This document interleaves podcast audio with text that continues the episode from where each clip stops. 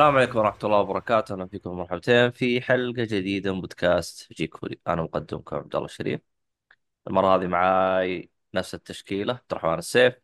أهلا وسهلا. وأحمد حادي، يا هلا والله. طيب آه الحلقة اليوم حلقة خاصة آه تكملة للحلقة السابقة اللي هي مهرجان البحر الأحمر، طبعا آه فصلنا في الحلقة اللي فاتت رأينا وكل حاجة حتى عرفنا بالمهرجان آه لكن بشكل سبي... سريع هو مهرجان عبارة عن آه زي آه معرض للأفلام أو للصناع زي كذا. اللي يكون. ارجعوا للحلقة اللي قبل فيها تفصيل بشكل أفضل. طيب آه راح نتكلم الآن عن مجموعة أفلام. ممكن نعطي آراءنا شويتين عن بعض الأشياء بعدين ندعس في موضوع الأفلام. آه آه قبل لا نبدأ الحلقة لا تنسون تسوون اشتراك subscribe آه اللي يكون. آه طبعا حساباتنا تلقاها في وصف الحلقة. أو أسفل الشاشة للي بيتابعنا. تقدروا تتابعونا على بث مباشر على منصات اليوتيوب أو تويتش أو اللي يكون. آه أو تقدروا تسمعون على منصات البودكاست زي آه سبوتيفاي أو برامج البودكاست أو أبل بودكاست أو اللي يكون. طيب آه الراعي الرسمي للبودكاست خيط الطباعة. خلينا آه نبدأ حلقتنا اليوم. طيب يا شباب في موضوع تبغى تتكلموا عنه قبل لا نبدأ الحلقة؟ أه تبغى نتكلم على القالة أو هذه أصلا من ضمن الحلقة. طيب يلا بسم الله. بشكل سريع. أه طيب أه نبدأ بعبد الله. هل التجربة كانت جديدة عليك تجربة آه. القالة؟ لا أنا ما هي ما هي جديدة علي. أنا أصلا هو ال- ال- زي ما وضحت أنا أغلب الأشياء أصلا موجودة في نفس المهرجان من قبل. حلو. م. فهذا ما يعتبر شيء جديد بالنسبة لي أنا. آه، حتى ال- ال- ال- بالنسبة لي أنا قاعة القالة حقت السنة هذه كانت سيئة اللي قبل ممكن كانت أحسن. ليش؟ لأنها كانت بنص دائرة وهي مهم. أصلا مخصصة المسرح لو إيش إيش تدققوا انه تقصد هو بنص إيش تقصد بنص دائرة يا عبد الله؟ قصدك الكراسي شكلها ما... الداخلي هذا؟ لا الكراسي ما هي جاية على شكل مستقيم جاية على شكل آه، إي إي منح... إي. منحني وهذه أصلا مي فهمت عليك مخصصة للسينما هذه السينما تجي بشكل طولي عشان تشوف الشاشة من قدام. فهذه أوكي كانت. okay كانت هذه أحد سلبيات آه، مرا المك... آه، قاعة. قاعه. كنت أكره إني أروح فيها الأفلام. غير عن كذا أصلا كان ما فيها لقاءات أو سواليف مع المخرج فكنت ما احبها ما ما كنت ما كنت افضلها صراحة. okay فهمت عليك. فيا أحد يبي يتكلم يبغى يضيف شيء؟ آه بالنسبة للقالة أنا أول تجربة لي للأمانة وطبعا أنا مستوعب أنا داخل إن هذه صالة مسرح أو شيء خاص بفندق. غالبا يسوون فيه احتفالات كبيرة شوي. آه الثيم خلينا نقول الثيم اللي يستخدم حليل. الشيء اللي شيت فيه صراحة طول ال... طول الفترة اللي شفت فيها فيلم هناك واحد فقط الصوتيات. ما شاء الله الجماعة من أشوف أنا من حكم خبرة بسيطة جدا في حضور يعني حفلات أوركسترا لطيفة الفترة الماضية. الصوتيات في القاعة هذيك جدا كويسة. حلو. بس كانت بس مشكلة الشاشة صغيرة لكن الثيم العام والصوتيات كان مرة معيشني جو خرافي خصوصا يعطيك شعور آه، زي حق زي صوت ال music حق البلاي ستيشن ذاك يجيب روقان هم مشغلين نفس الشيء نفس الشيء بس مرة رايق عشان يدخلك ال mood هذا حق الأفلام اللي هو أو يدخلك ال mood حق الفيلم اللي راح تشوفه. أنا هذا صراحة عجبني وحسسني بالفخامة شوي و... ويعني خلينا نقول بمستوى الراقي خاص بالمكان. هذا بحد ذاته محسوب لهم مرة. لكن الشاشة أتوقع بما إنها ما هي بشاشة سينما مجهزة من قبل فكانت صغيرة مرة. أنا أشوف ما كانت كبيرة ما تكفي. وخصوصا كنا بعيدين شوي. أنا أتكلم عن نفسي كنت بعيد شوي ما كنت قريب. وتوزيعهم للقاعه كان مو مرة يعني perfect بس إنه فعلا enough إنك ترتاح وتقعد. لأني أنا كنت قاعد كراسي ورا عبارة عن كنب فكنت مرة مروق. فيس حليله مش مش optimal بس ج- جيدة يعني تأدي الغرض طيب حلو. آه فيه موضوع أنا كنت أبغى أتكلم عنه آه الحلقة طلع هذه. اللي في قلبك يا عبد الله طلع طيب. طلع في طلع. في سل في سلبية في المهرجان هذا. آه كانت آه آه شو اسمه؟ آه كانت بمخص- بخصوص بعض الأعمال ال- السعودية بشكل أس أساسي. يعني صراحة انها كرهتني في تجربة العمل. فكان كيف النظام؟ يلا تعالوا المعرض يلا يا شباب يلا نادوا. اوه هذا فقع. آه عبد الله في مشكلة كانت آه آه زبط الآن. صوت الصوت آه، عندك آه كذا قطع شيء رجع ما أدري هل طيب. هي مشكلة نت عامة ولا إيش؟ ما أنا عارف لا هو تو أعطاني إن الإنترنت عندك ضعيف. زبط الآن؟ إي بالضبط إي. آه طيب. خلينا شو اسمه هذا؟ ثواني. آه عذاري البث الآن تمام ولا يقطع؟ طيب. الآن تقول إنه كويس. طيب خلينا آه نرجع موضوع. آه موضوع اللي هو آه يلا شباب أنا مخرج فيلم يلا شباب تعالوا شباب عززوا لي بالفيلم. ما عندي مشكلة إنك تعزز لي بالفيلم بس صار موضوع اوفر بزيادة يعني حرفيا حرفيا شو اسمه محمد دخلت قاعة أفلام قصيرة. وكان كل فيلم جايب له بشكة من أخوياه. وتعال شوف العبط اللي بيصير ولا كأنك داخل على فيلم كأنك باستراحة عند أخوياك. اوه آه شو اسمه هذا؟ هذا مدري مين خوي. أوه تصفيق. يا ولد إيش وضعكم أنتم؟ بزران أنتم أول مرة تدخلون السينما أنتم ولا وش وضعكم؟ وهذا داق لي حرك مع أخوياه وهذا مدري وشو. طلع لقطة كذا زبالة راحوا طلعوا. أوه تصفيق. وهذا نفس نظام مقطع حق شو اسمه؟ والله نسيت اسمه هذا حق مدرسة المشاغبين نسيت اسمه هذاك توفى الله يرحمه. مو عادل إمام خويه الثاني حق صالح؟ مدري من الصالح هو. إيه هو هذاك يوم يقول أوه يا دين النبي يا دين نفس الشيء ترى يصير. يلا جيب لك بشكة أخوياك. ويجلس يسوي زي كذا. كانت الصراحة حاجة أشوفها غير احترافية ولا تليق في موضوع السينما. أنا ما عندي مشكلة تسويها في بيتكم. في الاستراحة تعزز خويك روحوا قاعة السينما سويها بس أنت جاي أنت مهرجان أفلام مهرجان نقاد مهرجان حق طبقة شويتين آه، المفروض إنك سقراطية. إيه، سقراطية والمفروض إنك يعني شوية إنك تستحي على دمك شويتين. طول مع يعني صراحة أتفه حاجة ممكن تصير ينقزون يطبلون لدرجة إنه واحدة من الأفلام فقط طبعا يعني مثلا على سبيل المثال تعرفون أنتم أفلام آه، اللهم صل على محمد آه، آه، آه، شو اسمه؟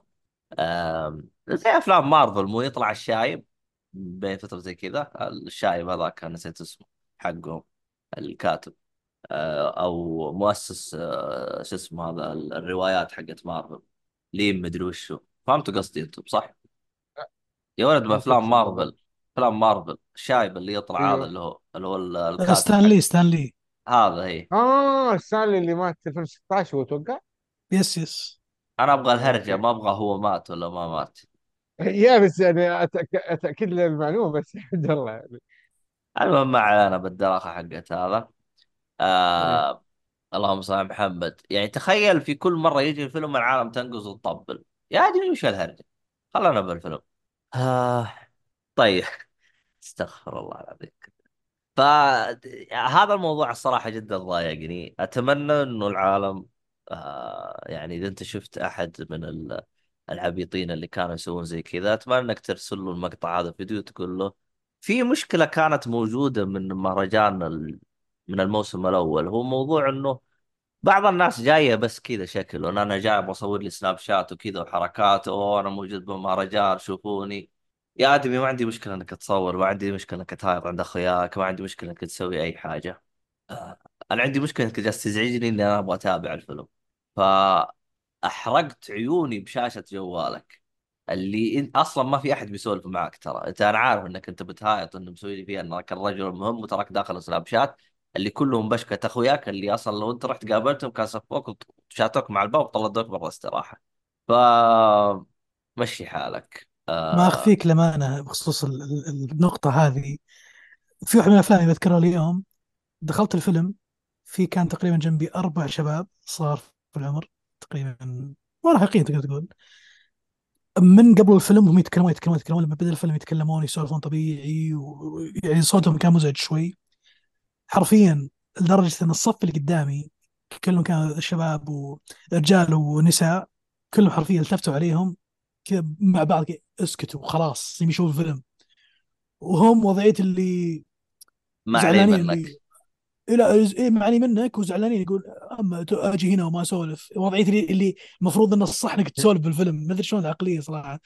الزبدة انهم ما كملوا خب 10 دقائق طلعوا كلهم مباشرة وقد حسوه والله الكراسي يقعدوا فيها. كان ممكن في ناس يقعدون يتابعون فيلم يعني. آه... وإحنا جالسين نطرد ورا ال ticket عشان sold out وبالاخير واحد بزران زي كذا. واحد آه، كنت متكي مع واحد من المخرجين جالس اسولف عن المشكلة هذه. قال لي حرفيا دخلت فيلم. يقول والله ما أكذب عليك. يقول لي دخلت وكان جنبي. يقول لي قبل لا يبدأ الفيلم وعينه على الجوال جالس يسولف. ويقول إلين ما وصلت نص الفيلم وهو جالس يسولف يقول نص الفيلم وصلت. يقول والله ما رفع عينه على الجوال وشاف الشاشة. تخيل. ف هي قاعد قاعد يكتب ملاحظات على المؤتمر. ما عليك يا عبد الله. بس ليك؟ ف شغل ف شغل فقلت له قلت له طب كمل الفيلم؟ قال لا بعد ما وصل نص الفيلم طلع. طب هو داخل ماخذ كرسي خلص ليش؟ خلص الله ملاحظاته خلاص خلص ملاحظاته يقدر يمشي. ففي نوعيات تغبن. ترى أنا حرفيا أتكلم عن نفسي أنا ال- ال- ال- المعرض اللي فات ترى مشيت. المعرض اللي هذا ترى جايب بوضعية الشايب. شفت اللي الشايب قدامي. متقاعد ها؟ الشايب متقاعد اللي قدامي رفع جواله نزل جوالك. زبد. يستحي من حاله يا يطلع يا يتأدب وينزل جواله. حتى ترى كانت في بشكة بنات قدامي فصلت عليهم. إيش لأنه فاضي لكم أنا أنا تابع الفيلم أنا ولا جاي آه، أشوف الحواق حقكم هذا. آه عذاري تقول يحط لهم منوه في الشار والله ودي أحط لهم سم فيران يا ساتر عبد الله.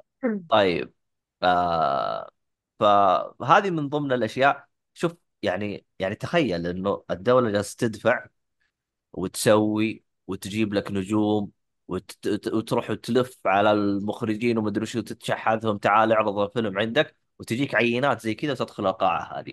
هذه ودك تشوتها وترجمها رجم بالحجاب. المهم آه شو اسمه هذا؟ ف هذا بخصوص آه، بعض الحلطمات اللي كانت موجودة في المعرض. أتمنى أتمنى أنه يشوفوا لها حل. آه، في حاجة صارت بالمعرض هذا. وألاحظ أنه صار فيها نقاش بينهم زي اللي متفقين يسووها. هرجة أدخل القاعة خمس دقائق وأطلع. إيش هرجتها؟ ما أدري. حتى لدرجة كان في كذا بشكة جنبي متكين جالس يسوي يقول جالس تقول آه تعال احضر ال- ال- ال- ال- الفيلم ما يحتاج تشوفه بس بس سوي التكت واطلع. إيش هرجتهم بيجمعون نقاط؟ إيش هرج... أنا ما أدري.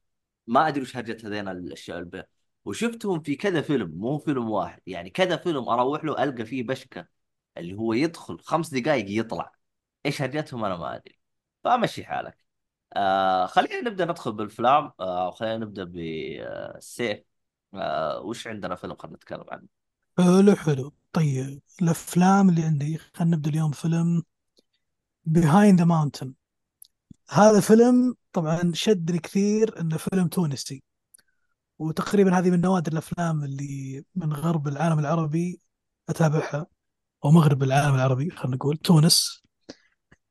آه الفيلم آه مدعوم من البحر الأحمر اذا ما خاب ظني. آه بحاول أتذكر المعلومات اللي انقالت قبل الفيلم. كان مدعوم البحر الأحمر وكانت المنتجة تقول إن آه رحنا رحنا أوروبا ورحنا أمريكا حاولنا نجيب تمويل للفيلم. آه فتقول إن يعني كان مفاجأة وشيء جميل جدا انه لما جينا السعودية الموضوع ما أخذ إلا أيام والدعم وصل أو التمويل وصل مباشرة آه، عملية الإنتاج الفيلم كاملة يعني من التصوير إلى اخره. آه الفيلم يتكلم عن قصته غريبة شوي آه يتكلم عن تشويق وإثارة عن بطل الفيلم هو عبارة عن تشويق وإثارة الفيلم كتصنيف وبطل الفيلم هو آه أب ويعتقد أنه عنده القدرة إنه يطير. وحاول إنه يثبت لأهله إنه يقدر يطير. وحاول يثبت لولده إنه يقدر يطير. وطول الفيلم يحاول يثبت لولده إني أنا أقدر أطير. آه، طبعا الفيلم في البداية تشوفه آه. غريب. تقول كيف؟ لا لا امزح امزح كنت السؤال على طول ليك أو تفكر لا بس تعرف اللي, اللي أنا بديت الفيلم آه، إيه. الفيلم شوي غريب مرة في البداية اللي التعريف حقه غريب الدخله الدخله الغريبه هذه أنت ما تتعودها من الأفلام إنه فجأة واحد عاقل كبير في السن شخص شاب يعني وش اسمه؟ آه، وال- والشاب هذا مؤمن مرة ان إن أنا أعرف أطير. وعنده انسست واصرار غريب جدا. يعني أنا أنا أهنيه على الصملة هذه.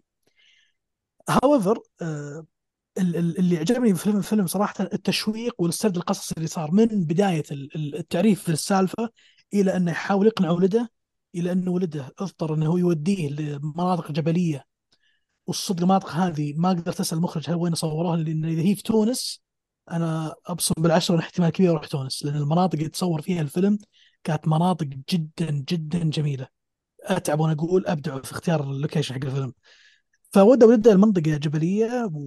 وحرفيا كذا راح فوق جبل ونط وطاح. literally طاح. فجأة انه انه في راعي آه، راعي خرفان مر عليهم. فجاء هو راعي خرفان وولده حاولوا يلقون الأب ويساعدونه. فجأة يلقون نفسهم بوسط الغابات ينحشروا من الشرطة لأن الأب آه، هارب من السجن أصلا. حلو. ف فجأة لقوا نفسهم في بيت شخص غريب داخل الغابات. بيت كذا مرتب وحلو أب وزوجته و... وأبنائه. دخلوا البيت وطلعوا سكين قالوا خلونا عندكم الليلة و...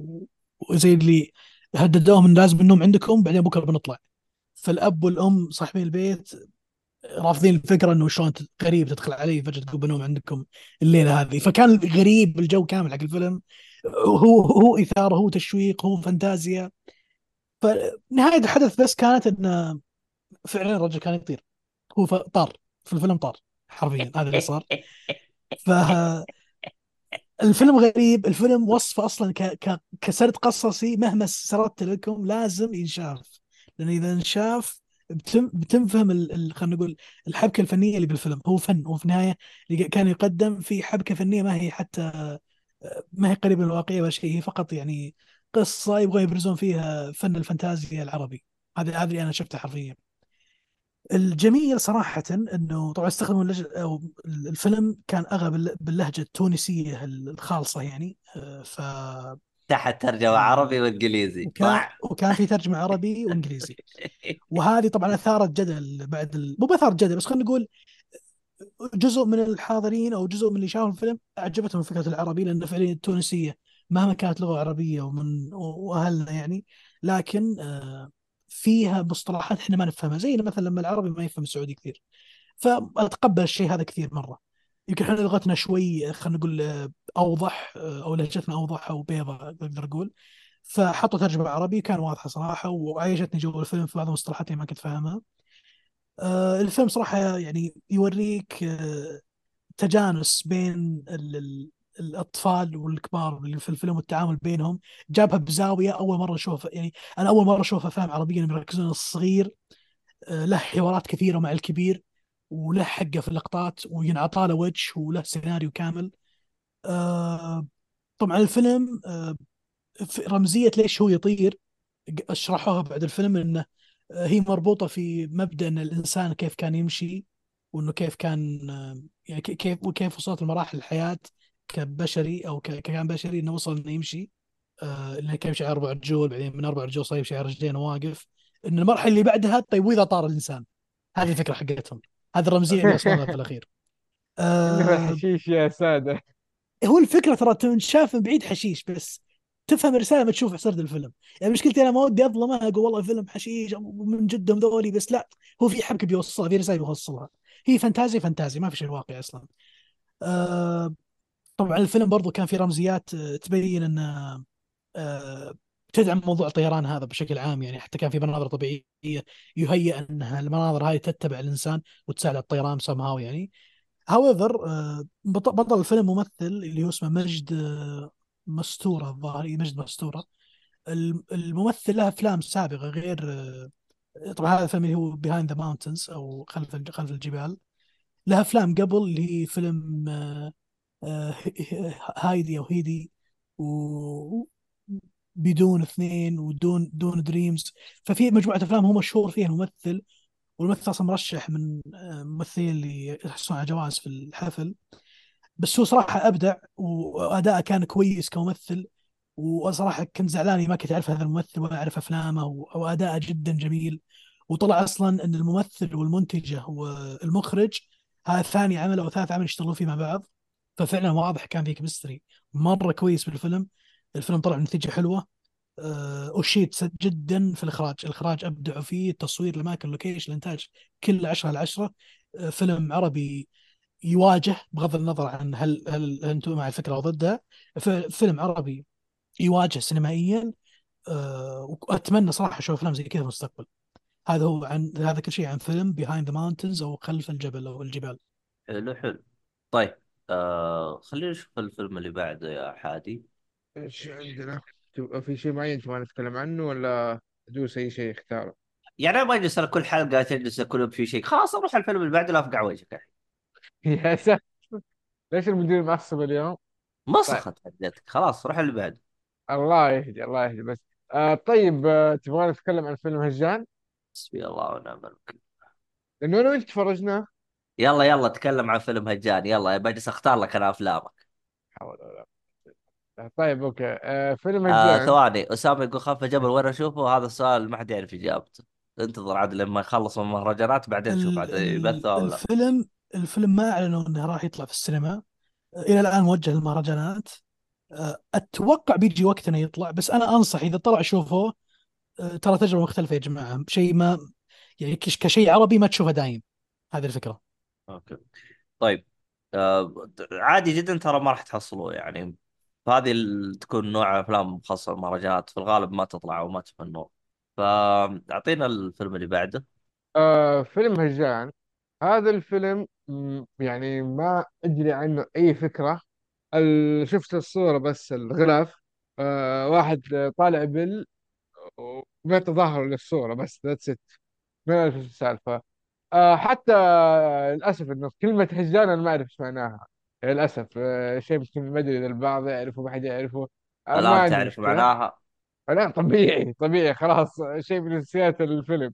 آه اللي لاحظته في الفيلم هذا أول شيء أول شيء آه مصور في الصحراء مصور في الصحراء لدرجة إنه كل الأحداث آه عن آه البدو آه اللي هم في الخيم ساكنين. فبيقول لك إنه آه في اثنين إخوان آه في الصحراء ومعهم طبعا عمانهم كذا عايشين. في سباق وشيء جدهم عنده تاريخ في هذا السباق والهجان هو. أقول هجان ولا؟ ما خلينا أقول أحسن. هجان هو اللي يركب الناقة أو الجمل في السباق. هذه الفكرة باختصار. اللي هو السائق اللي هو الخيال في الخيل من الهجان في الهجن. فاللي يصير إنه آه، تصير أحداث.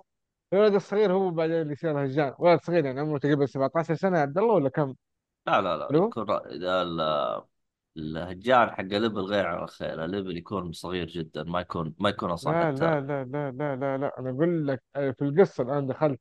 أقول لك ما الولد ما اللي ما ظنيت وصل أصلا ال- البلوغ تو صغير. أوكي حلو.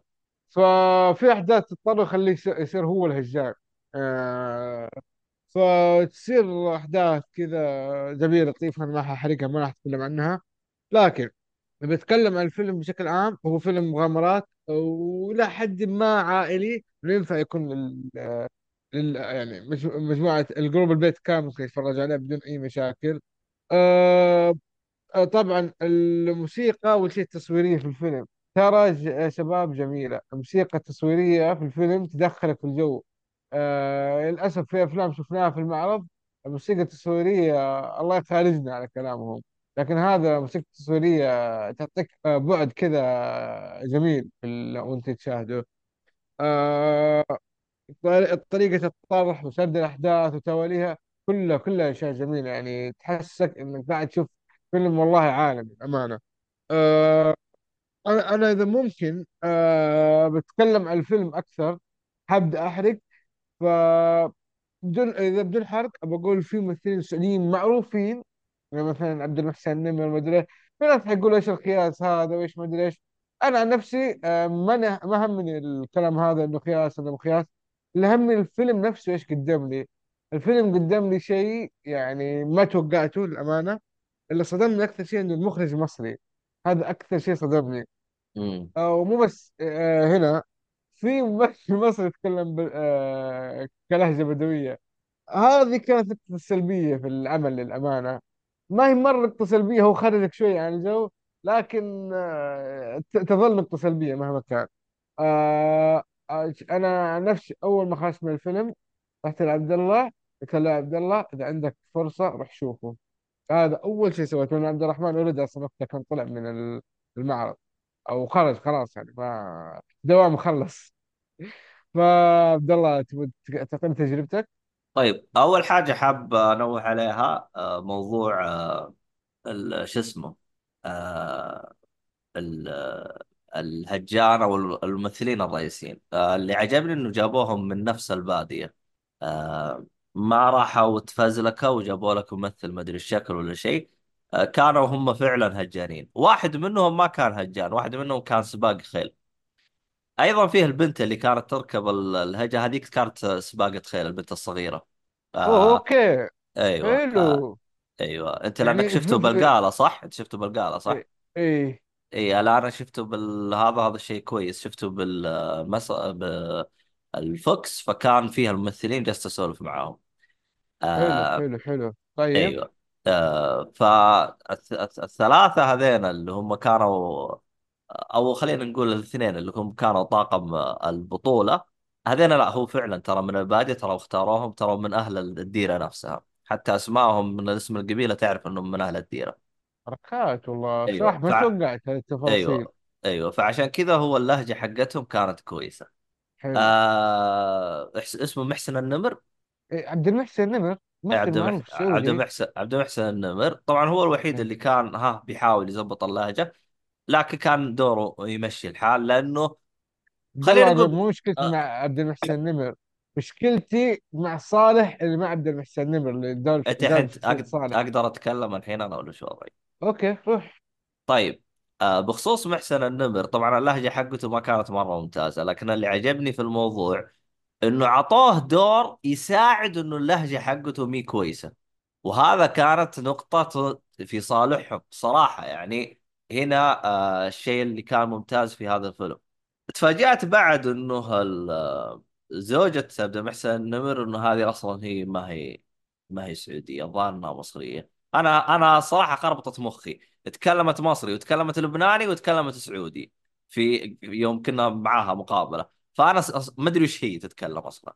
ما أدري عنها لكن آه هذا بخصوص آه، الطاقم طبعا المخرج مصري آه، طبعا ال ال آه، المساعد اللي كان مع عبد المحسن النمر اللي كان يتكلم عنه آه، شو اسمه آه، اللهم صل محمد آه، كان يتكلم عنه آه، حادي آه، هذاك أصلا هو واضح من اللهجة حقته إنه مصري. كان مخرب لكن برضو الشيء المميز إنه كان يعتبر صبي أو مساعد له فكان زي ما تقول إيش؟ الدور حقه يمشي.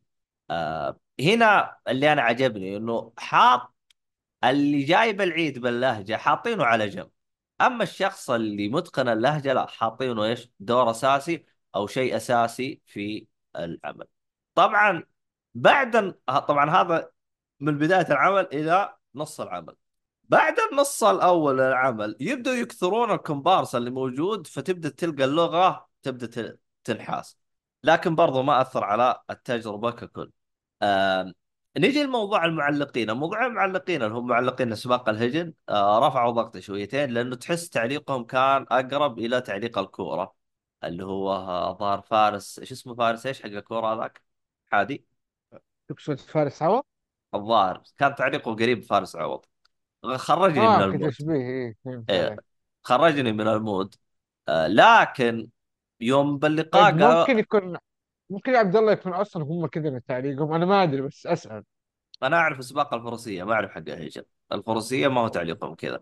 لكن هو قال ترى هذا هو فعلا معلق سباق هجن وقال ترى أخذناهم زي كذا و... وفي لقطة من اللقطات قال ترى هذا كان بيته هو. ف أنا يوم قال المعلومة هذه أنا ما عجبتني المعلومة هذه. يعني هو قال قال ترى المعلق اللي موجود على سباق الهجن ترى هذا فعلا معلق سباق هجن أنا ما عجبتني المعلومة هذه الصراحة. آه... طيب مع ذلك تقول إيش اسمها الممثله إيش كان اسمها الممثلة اللي ثواني خلنا نشوف اسمها نور الخضيري؟ آه... هذا طاقم العمل كامل أعطيتك إياه بالكامل. فالعمل الصراحة يعني أنا يوم أجلس أقارنه اللي أنا عجبني فيه واللي أنا أشوف آه، يعني يوم إنه آه، حادي آه، رشح لي إياه وقال لي لازم تشوفه ترى فيلم ممتاز. صراحة أنا مرة انبسطت من حادي لأنه فعلا فعلا العمل كان محتاج كان يحتاج إنه أحد ثاني يشوفه حتى نجلس نتكلم عن العمل. طبعا عمل تم تصويره بالكامل في تبوك. أنا رغم ان الجبال اللي شفتها رحت عنده قلت يا ابن الناس الجبال هذه حقت العلا أو المزارع هذه. قال لا العلا بعيده عننا على كلامه هو. قال لا هذه في نيوم في جهة تبوك هناك. آه آه طبعا تم استخدام آه شو اسمه آه motion graphic بشكل آه جيد. آه لأنه هو قال قال إحنا كانت عندنا مشكلة في آخر يوم في السباق. آه قال آه مطرت والدنيا صارت طين. تورطوا. فقال هذا آخر تصوير. فكان عندنا حلين. يا إننا نأجل التصوير شهر أو حاجة زي كذا أو اننا نشوف لنا دبرة. فمن ضمن الأشياء اللي سووها عشان أعلمكم إنه يعني تم صرف ميزانية غير طبيعيه عليه قال جبنا رد آه، رد تريلات وردمنا الملعب كامل ردم عشان نخفي الطين وصورناه كانت في بعض الأشياء آه، عدلناها وظبطناها بال motion graphic اللي هو بالجرافيك. آه فش اسمه هذا؟ آه ففي في مجهود يعني سووها يشكرون عليه.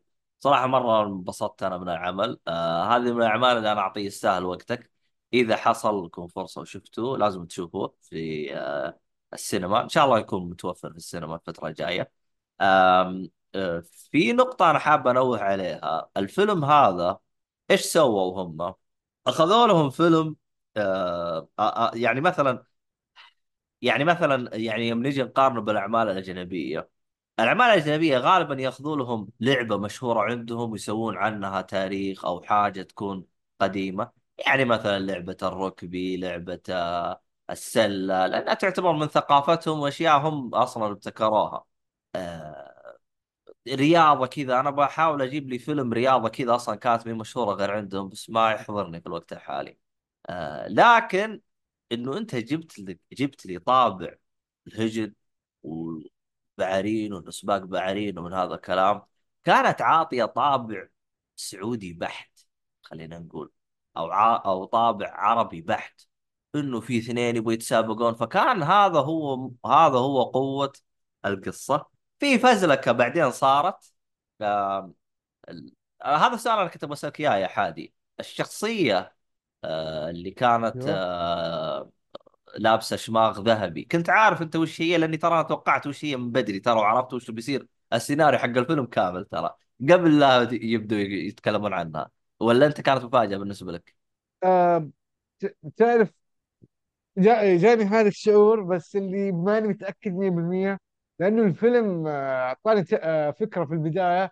ترى إحنا عندنا أشياء واضحة وماشيين عليها كذا أشياء تقدر تقول القصص القديمة اللي بدون آه، تريكات بدون طقطقة آه، بدون أشياء مخفية. لكن فاجئوني في أشياء كثير فتقدر تقول إنه رأيي متضارب بين اللي عارف وبين متردد وبين عرفت كيف؟ أوكي. لا أنا كنت متوقعها الهرجه وكنت متوقع هذا الشيء يصير آه من البداية. حتى هرجة ال- آه، النهاية كنت جالس أقول راح يصير زي كذا.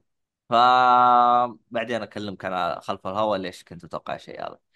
لكن آه هذا كان نوعا ما حسيته كان ممكن يكتبون القصة بشكل أفضل لكن لكن القصة ممتازة يعني ما أقول لك إنه سيء وحتى الفيلم يعني لو جاء على السينما وشفتوه على السينما أنا أنصح فيه بقوه واحد من أجمل أفلام المهرجان.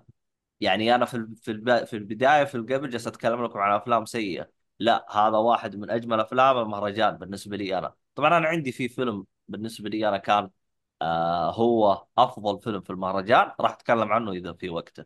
لكن هذا ممكن أعتبره ثاني أو ثالث عمل افضل ثاني أو ثالث أفضل عمل في المهرجان بالراحة من اللي أنا شفتها. أنا شفت تقريبا ما يقارب 27 عمل أو حاجة زي كذا. فهذا بالنسبة لي أنا اشوفه جدا ممتاز. آه في حاجة نبغى نضيفها ولا نروح اللي بعده؟ لا نروح اللي بعده خلاص. طيب. خليني أتكلم عن العمل اللي بعده. ثواني افتح الصفحة حقتنا. آه طيب قبل أروح اللي بعده آه بياخذ بشكل سريع آه رأي أختي عن ثلاث أفلام. طيب آه فيها فيلم آه اسمه لا طبعا هو اسمه بالإنجليزي The Mother of All Lies اللي هو كذبة بيضاء. آه طبعا آه آه شو اسمه هذا؟ تقول إنه هو آه فيلم وثائقي حادثه صارت بالمغرب سنة 1981 آه طبعا هي حادثة موحشة. آه تتكلم عن يعني زي ما تقول قصة حقيقية أو شيء وثائقي خلينا نقول. فالقصة تقول جدا حزينة وبس الفيلم يعني عجبه. طبعا الفيلم هذا كان مشارك في مهرجان كان وحصل على السعة الفضية واللي يكون هذا بخصوص اللي هو كذبة آه بيضاء فيه فيلم هوبلس هذا فيلم آه كوري. عن طالب ثانوية حياته وظروفه سيئة يتعرض للتنمر لأنه فقير مع أخته الغير شقيقة وكيف يحاول يصرف على نفسه. يعني تحاول يتع... أصلا من اسمه أصلا. هو وهم أصلا كوريين كلهم كآبة في كآبة. ف إيه، فتقول انبسطت يعني في موضوع الفيلم آه وعجبها. آه بروح للفيلم اللي بعده هو هذا طب فيلم. يا عبد الله ما. تدري اني شفت هوبلس أنت شفته؟ شت. إيه شفت Hopeless طلعت لي أوكي. في ال list ة. أوكي أوكي طيب. آه فيلم Hopeless للأمانة من الأفلام اللي فعلا ك- كوريه كئيبة معروفة. وكان في مقابلة حتى مع المخرج آه، وقال كلام كثير يعني ما ما قصر ما شاء الله عليه. فكرته باختصار يبغى يوريك العنف اليومي في اللي في الك- في كوريا. كيف يصير؟ إيش الأحداث اللي تصير هذه ال- اليومية اللي بالنسبة لهم بسبب الأسرة وكذا؟ هو فكرته في الأحداث آه، بدون ما أحرق القصة اللي هو كيف الأشياء تأثر على بعض إنه مشكلة الشخص هذا آه، في عائله غير مستقره ومتعرض للت- للتنمر وفقير وما أدري إيش. يقول لك إنه كيف شيء يؤدي لشيء ثاني. فكل هذه الأمور يعني طرقوا فيها بشكل آه، كويس في العمل. وقدم لنا بطريقة صراحة جميلة للأمانة. آه بس آه هذا هو اللي بقوله. عاد، آه، ما أدري تروح اللي بعده؟ طيب. في شيء بتسمع. طيب آه خلينا نروح للفيلم اللي بعده. طبعا الفيلم هذا آه آه فاز في آه جائزة إيش؟ ظاهر آه أف- أفضل آه أفضل سيناريو اللي هو 6 في 6 feet over اللي هو آه اللهم صل محمد. آه اسمه بالعربي ما فوق الضريح. طبعا أنا يوم آه فاز آه أختي اللي شافته سالتها قلت إيش هو؟ طيب قصة الفيلم عبارة عن طالب جامعي عربي من أصول جزائرية عاش بفرنسا. طبعا هو كان يكره أصله ودينه. وزي ما تقول خلينا نقول أيوة آه خلينا خلينا نقول إنه يعني أصبح ملحد يعني بدون دين. آه طبعا يجيه من إنذار من الجامعة إنه حيفصلوه. آه لو ما جاب عقد عمل إنه يحتاج يعمل. آه طبعا كان من ضمن آه الشروط إنه لازم يجيب عقد عمل في وظائف ما هي للفرنسيين لأنه في فرنسا. طيب يعني وظائف عمل ما هي الفرنسيين كيف؟ يعني ما يشتغلوها الفرنسيين. ما يشتغلها آه, الفرنسيين. آه okay عشان لا ياخذ حيز من ال... الأشياء آه اللي اشتغلوها الفرنسيين. أيوه ف ف ف فشيء طبيعي وش راح يشتغل؟ وظائف حقت العرب. ف yes yes. يس آه الوظيفة اللي كا اللي عرضت عليه واضطر يقبل فيها إنه يكون آه شو اسمه هذا؟ آه مغسل أموات حلو. للمسلمين. حلو. حلو؟ يعني القصة نوعا ما آه أو خلينا نقول قصة جميلة يعني فيها بعد زي كذا. لكن تعال إلى الأشياء اللي كانت تزعل ورفع الضغط أختي خلتها تقول تقول القصة هذه جدا سيئة ولا اشوفه يستحق الجائزة. ندخل بالسلبيات اللي كانت موجودة. آه نظام وصف المسلمين. يعني مثلا من ضمن الفيلم يسأل يقول ليه تكفنون الميت كذا. إيش كانوا الرد حقهم؟ عادات وتقاليد. هاي حجي. إيش اللي عادات وتقاليد هذا هل قصدك بالشرط هذه عبد الله هل تقصد الاختطاف في الفيلم ولا إيش؟ أيوه موجودة في الفيلم. أيوه موجودة في الفيلم. يعني مثلا الأخطاء يجي أنت لاحظتها. آه أختي اللي شافته مو أنا. لكن أنا أوكي. أنا اتناقش أيوه. معاه بالفيلم. جالس تقول لي إيش. أيوه. يعني مثلا هو هذا لأنه هو كاره دينه زي كذا وملحد. فهو يوم يشوفهم المسلمين يكفنون ال- الميت زي كذا يسألهم ليش يسأل تك... ليش أيوه. تكفنوه زي كذا؟ إيش ردهم؟ عادات. وتقاليد. فهمت؟ حلو. عرفت؟ يشوف حاجة ثانية يسألهم عادات وتقاليد. يا ابني الله يصلح يعني اللي رافع ضغطي إنه اللي مسوى الفيلم هو جزائري. فإذا أنت مسويه جزائري وما أنت فاهم بالدين واستعرض للدين بشكل زي كذا فهذه فيه خلل في مخك. زبد في خلل في مخك. اسأل لي أقرب واحد موجود. راح يقول لك إنه هذا الشيء هو عبارة عن الدين اللي نصنا عليه ونحتاج نتبع الأشياء هذه بناء على الأدلة الموجودة عندنا. مو هو شيء اخترعناه أو شيء كذا فزلكة من عندنا. وهذا الشيء اللي اللي زعل أختي في الفيلم. هو قالت إنه آه طريقة عرضهم ل آه طريقة عرضهم للدين في الفيلم هذا كانت بنظرة غريبة جدا. ف ما أدري وش الهرجة. يعني يعني حتى يعني يوم جلست آه، آه، أسأل أختي قلت لها طيب بعدين يعني بعد ما شاف الشيء هذا و- ويعني وصار يعني يختلط بالمسلمين وزي كذا هل انبسط بالدين وزي كذا قالت لا ما عجبه وشافهم كله خرابيط جست اناظر قلت طيب وش الهدف أنت مسوي لي الفيلم؟ أنا أبغى أعرف أنا وش هدفك من الفيلم؟ يعني تبغى تحارب الدين مثلا ولا إيش؟ فكان عندي استفهامات بخصوص يعني حتى أصلا يوم قالت لي يعني أنا يوم قالت لي فيلم كان بإمكاني إني أشوفه يوم إنه عرض ثلجات قلت أنا أخوي أختي قالت لي الفيلم زبال. لا قصة ولا أي حاجة. يعني قالت حتى أنا أبغى أعرف أنا وش يبغى المخرج ما أدري. الكاتب ما أدري. آم، لكن آم، يعني هو كان يعرض لك عن الأشياء اللي يسووها المسلمين بشكل طبيعي. يعني يعني كان يعرض لك عن حياة المسلمين والأشياء هذه كلها من وجهة نظر ملحد تقريبا يعني. ما أدري وش أقول الصراحة. فهذا بخصوص آه آه فيلم. طيب إيه. هذا آه عبد بخصوص الله طب بخصوص ال- الفيلم نفسه. أنا شفته واللي جذب آه تركيز اللي هو اسم الفيلم. آه 6 feet over صح؟ إيه. أنت شفت الفيلم؟ لا. okay كمل. آه بس آه في مسلسل من HBO ظهر بدأ في 2006 أو بعدها. 6 مهم. feet under ونفس الفكرة اللي هم اللي كفنوا الأموات. أنا ما okay. لكن واضح إن الفيلم مشتق منه بطريقة معينة ولا هي مجرد كده توقع ما أنا عارف الأمانة. لكن المسلسل هذاك مشهور. مسلسل من HBO لو تدور عليه 6 feet under والله لا تستبعد إذا كانوا مشتقين منه يعني. لا تستبعد. عموما آه طيب آه خليني أروح آه شو اسمه هذا آه في أفلامي. آه بتكلم على آه فيلمين بشكل سريع قبل لا أروح إلى شو اسمه شو اسمه هذا؟ ذا السيف. طيب. الرحمن. آه الفيلم الأول اسمه سليم. طبعا هو فيلم كرتوني. آه يوم إني أنا دخلت آه سليم آه ترى كنت جالس أدور لي فيلم كنت أبغى أعبي الأفلام ثلاث أفلام. أدور أدور أدور آه كلها يا sold out يا الوضع مزري يا مدري إيش شكله. فما بقالي غير سليم. قلت يلا سليم سليم. آه طبعا هو فيلم كرتوني. آه آه، زي ما ذكرت أنا سابقا في فيلم شو اسمه في الفيلم الإماراتي. ان 3 دي صعب إتقانه وسيء وفعلا هذا كان 3 دي حقه سيء. أنا ما يعجبني 3 دي إذا كان بتصميم زبال يعني يا تتقنه زي الناس يا سوي رسوم ثنائية وريحنا. الفيلم كان مخصص للأطفال بشكل بحت يعني أنا توقعت إنه على الأقل ها يمشي وضعه لكن طلع للأطفال للأطفال يعني حتى بطريقة تعليمية وزي كذا.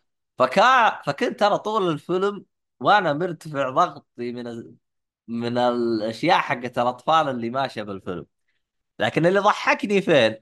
البزرانة اللي جالسة تتفاعل مع الفيلم. يا ود يا هم مبسوطين. أقول لك طالعوا من الفيلم متشققين ويناقزون ويرددون ورا الأغاني اللي يقولوها. طبعا الأغاني لا شو اسمه لا نسق يعني لا سياق ولا بطيخ ولا حتى موسيقى كله مراكب بس البزران مبسوطين.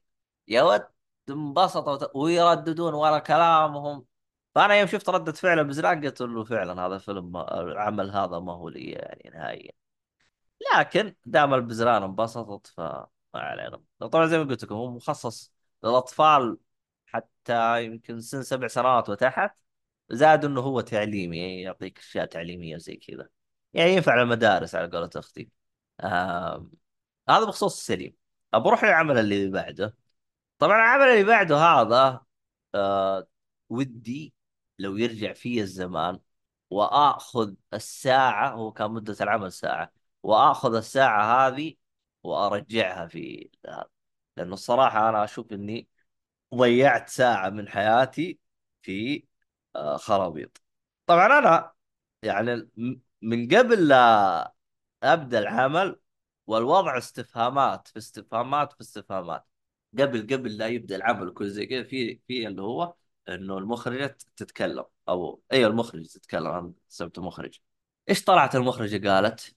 قالت آه إيش؟ we support feminism. كذا أول حاجة قالتها. ما قالت الفيلم حقي كذا وشيء we support feminism we stand with feminism we see the movie طيب بس. هذه الكلمتين اللي قالتها. من قالت الكلمتين هذه؟ وأنا جالس أقول الله يخرجنا. إلى هنا أمورنا تمام. وأدخل الفيلم. الفيلم لا عل... لا له علاقة بال feminism ولا له علاقة بأي حاجة تخص ال feminism. ولا له ارتباط في ال feminism ولا له أي علاقة في أي حاجة. ما غير آه شو اسمه هذا لاعت كبودي على الفاضي. طبعا الفيلم هندي طبعا. فما أدري أنا وش كانت نظرتها يعني. هي فاهمة ال feminism غلط اللي هو النسوية غلط. فإذا هي فاهمة النسوية غلط أنا مستعد أعطيها درس خصوصي أعلمها وش هي ال feminism. ما أدري أنا هم ضاحكين عليها ولا ما أدري وش وضعها الصراحة. فأنا جتني استفهامات كبيرة من المخرجة هذه.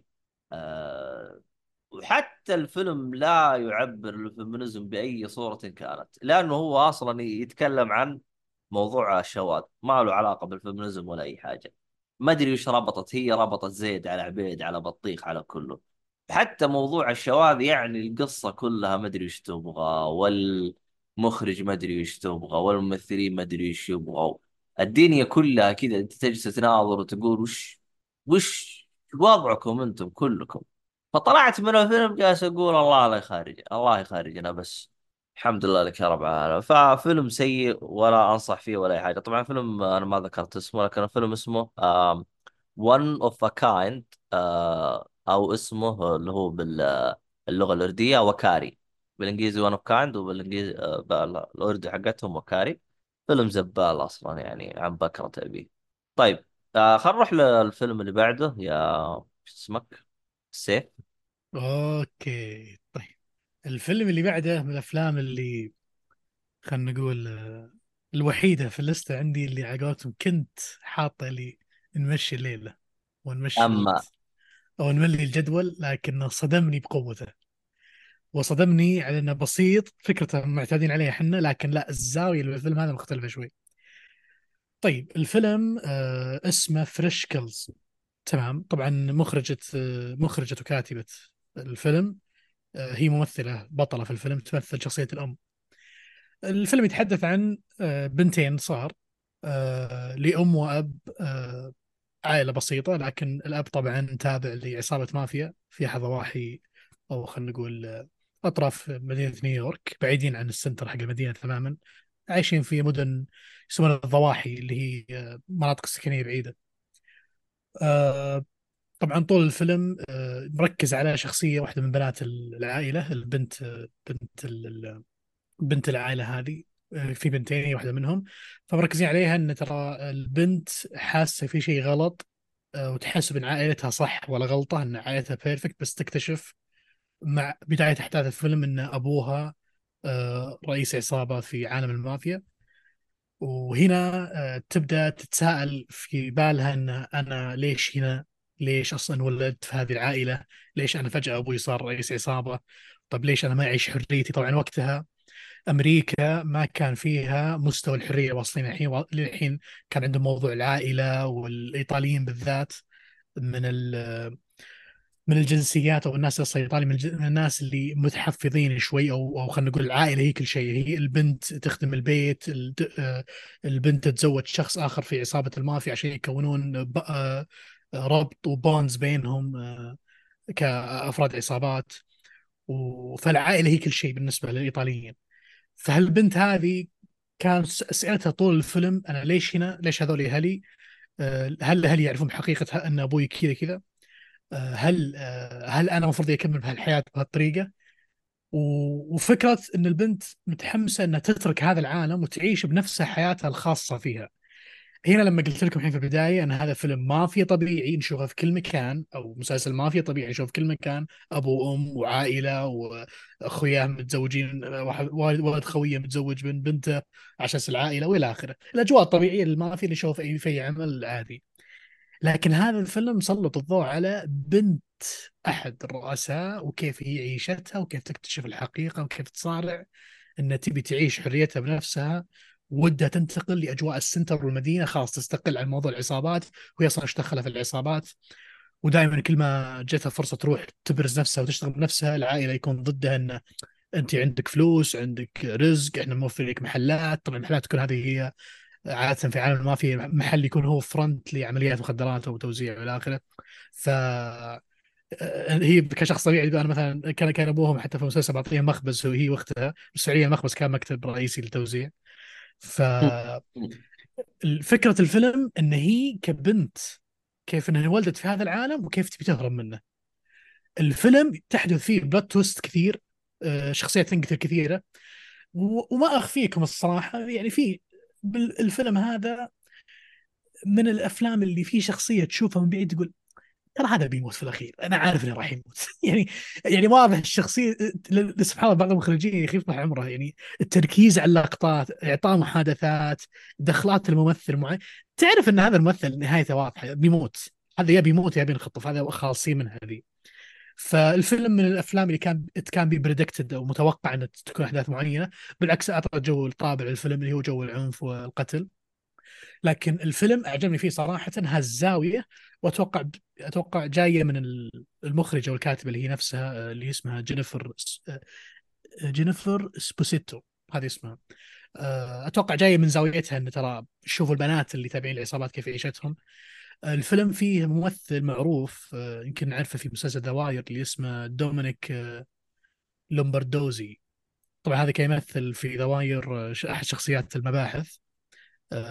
بصراحه ما أقدر أوصف عباره عن شخص إيطالي أصلا كان موجود في The Wire فدوروا في The Wire راح تحصلونه. آه كان برضو معطي جو الفيلم هو أب البنت هذه هو رئيس العصابة. فواضح الممثل هذا مستغلين إنه يكون يعني هو في فيه في مسلسل قبل حق سيلفستر ستالون طلع قبل فترة آه هو كان رئيس عصابة فيه أو شخص كبير. فواضح إنه استهلك شخصيته قال خلينا نجيب الفيلم. سهل يعني مباشر ياخذ الدور. آه، الفيلم وصل الصورة اللي وصل الرسالة اللي كان يبغاها وصل المعاناة اللي كانوا يمرون فيها البنات في ذيك الفترة خصوصا بنات أبناء العصابات أو رجال العصابات. فيس الفيلم عجبني ما كنت متوقع بيكون كذا. آه، طبعا فترة في التسعينات الفيلم.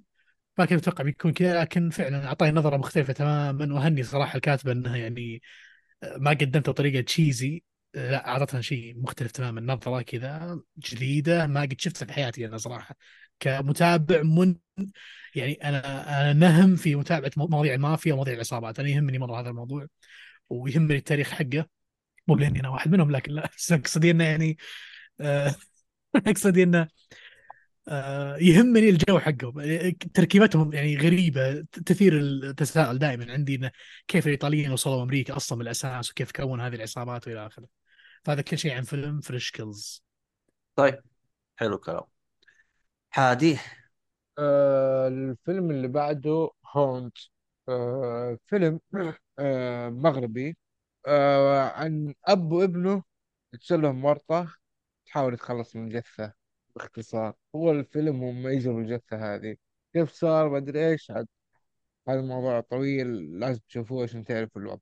آه الفيلم بيوريك تقريبا تعرفوا الفكرة والسكريبت حق الكوري اللي هو Hopeless إنه كيف الأحداث تسحب بعض. فهي نفس الشيء. إنه كيف إنت تبدأ كإنسان قاعد في البيت فجأة تجيك آه، task تروح غلط. الغلط يودي الغلط يودي الغلط يودي الغلط. آه، طول الفيلم وانت من نوع من حفر الدحديرة فعليا. آه، الكلام طبعا كله كان بالمغربي. في أشياء كانت مفهومة وفي أشياء لا بس الترجمة كانت مهمة للأمانة. آه الفيلم يعني واقعي جدا سوداوي جدا. آه مو شرط جدا جدا لكن آه ما ما أنت مرتاح طول الوقت تشوفه. تحس كذا في شيء مضيق عليك ما أنت مرتاح وأنت تشوفه. آه بس آه أشياء كثيرة فاجأتني في في الفيلم. أول شيء قابلت آه، المخرج وكنت بتكلم معه اسمه كمال ال- الرزاق. لكن للأسف إنه طلع ما يعرف عربي إنه مغربي. آه هذه النقطة الأولى. النقطة الثانية طاقم التمثيل نفس الشيء. ترى تكلم آه أوكي مثلوا بالعربي بس حتى لو خلص معاهم ما راح يفهموا.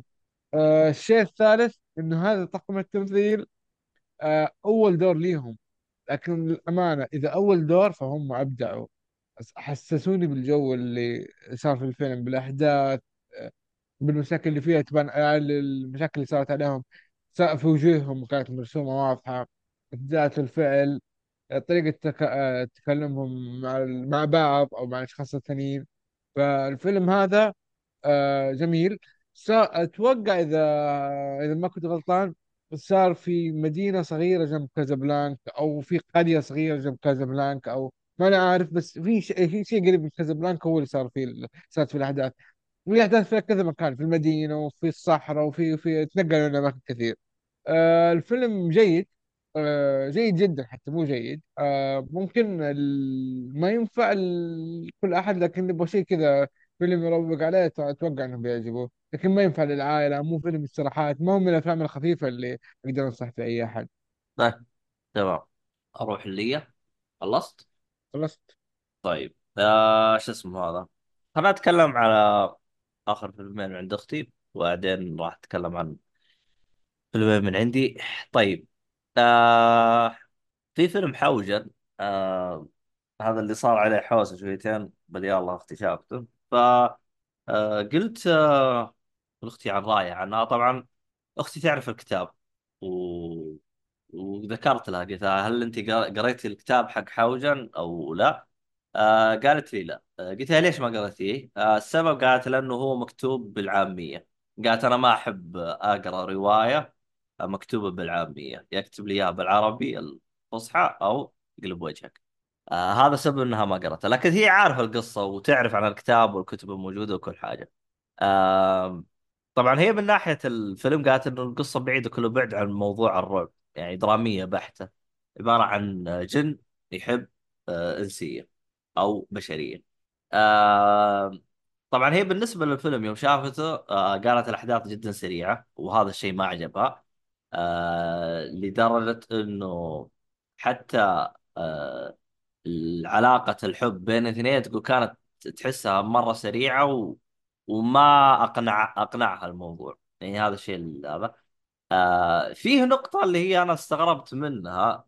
قالت ال- الشيء اللي كان جدا مزعلها في موضوع حوجن أو فيلم حوجن موضوع ال graphic design. قالت إنه جدا سيء أبو كلب من أبو 10 ريال مسوينه. ف هذا الشيء صراحة استغربت منه لأنه الفيلم طول وهم شغالين عليه يمكن لهم ست سنوات ست سنوات شغالين عليه. فمستغرب أنا ليش جودة زي كذا لكن هو حيكون في السينما في يناير فاللي يبغى يشوفه. آم، ال- ال- ال- النقطة الأخيرة للقراء الكتاب أو اللي قرأ كتاب. آه، تقول اللي قرأ كتاب يعرف إن القصة قصة طفولية. آه، لكن آه، تشوف نظرة الفيلم أو أو طريقة سرد الفيلم مقارنة بالكتاب غير السرعة الموجودة جابها بشكل أفضل من الكتاب. هذا بس بخصوص حوجة. صراحة تمنيت إنه أشوفه. حتى يعني شو اسمه هذا أعطي تفاصيل من ناحية ال graphic design والأشياء والتمثيل والأشياء هذه. آه، لكن هو من ناحية التمثيل أنا قلت قالت لا التمثيل آه، كان أداهم كويس. آه، ما هو حاجة سيئة. فيعني هذا بخصوص حوجن طبعا آه، قلت له قلت له هل راح يكون في فيلم في جزء ثاني؟ قالت أوه جاهزين. فا already حيطلع له اجزاء ثانية. طبعا هو من ناحية كتب هو الظاهر وصل إلى خمس كتب الآن بالرواية وأنا ما أدري هم خلصوا الكتاب الأول ولا هم باقي ولا وش وضعهم. فهذا بخصوص حوجن لكن خلينا نروح إلى آه، فيلم أنا شفته. آه راح أبدأ في فيلم آه موجود في Netflix الآن اللي هو Chicken Run Dawn of the Nugget طبعا Chicken Run هو الجزء الثاني لفيلم الظاهر اسمه الجزء الأول شيكن ران طبعا فيلم الجزء الأول نزل عام 2000 فتخيل الجزء هذا بعد 23 سنة. تخيل. آه طبعا هو كان ممول من نتفلكس زي كذا. يمديكم الآن تتابعوه موجود. آه طبعا آه كان موجود ب آه اللهم صل محمد. آه، بكذا دبلجة تقدر تسمعها بنفس الوقت. كان في جهاز سماعات تحطها تسمعها بالدبلجة اللي تبغاه. كان الظاهر مدبلج بالعربي إذا ماني غلطان. آه، كان مدبلج بخمس لغات حتى فرنسي مدبلج و- ولغات ثانية آم، طبعا أنا من محبين وعاشقين شكل دام ف أو شكل ران. فصراحة كان جدا ممتاز. آه، عجبني أسلوب القصة وكيف آه، يعني أنا صراحة ترى كنت دخلت أنا حسبه تسليكي لكن آه، مرة انبسطت في طريقة كتابتهم للقصة وإنهم كيف سووا الجزء الثاني كانت الفكرة جدا ممتازة. العبط اللي موجود بالدجاج والأشياء هذه كلها كان جدا ممتاز. فصراحة آه، مرة انبسطت فيه العمل هذا. آه، يعني أخيرا دخلت عمل حق بزران وانبسطت منه ما هو بس البزران اللي طلعوا مبسوطين. فاللي يقدر يبغى يتابع على نتفلكس موجود آه أنصح فيه يعني وبقوة. تابع الجزء الأول قبل لا تتابعه هذا لأنه تحتاج إنك تعرف بعض التفاصيل في بعض الشخصيات وبعض الأشياء هذه كلها. أحس تعطي جو إذا انت عرفتها من قبل. هذا الجزء الأول يمكن تابعته ثلاث مرات أو أربع مرات الجزء الأول. مرة مبسوط منه أنا. المهم هذا بخصوص آه شكن آه ران آه خلينا أروح أتكلم عن فيلم ناقة. أنت تابعته يا أحمد ولا باقي ما خلصت آه لا والله ما خلصته ما خلصته. طيب. تبغى نتكلم طيب أخلص باقي الأفلام عندي ولا كيف؟ آه عندي أفلام مرة كثير فبتكلم عن ناقة طيب. بعدين. خلاص بعد ما... طب إيش رايك تخلي بكرة؟ تكون مخلص إن شاء الله ولا خلاص اليوم بتقفل؟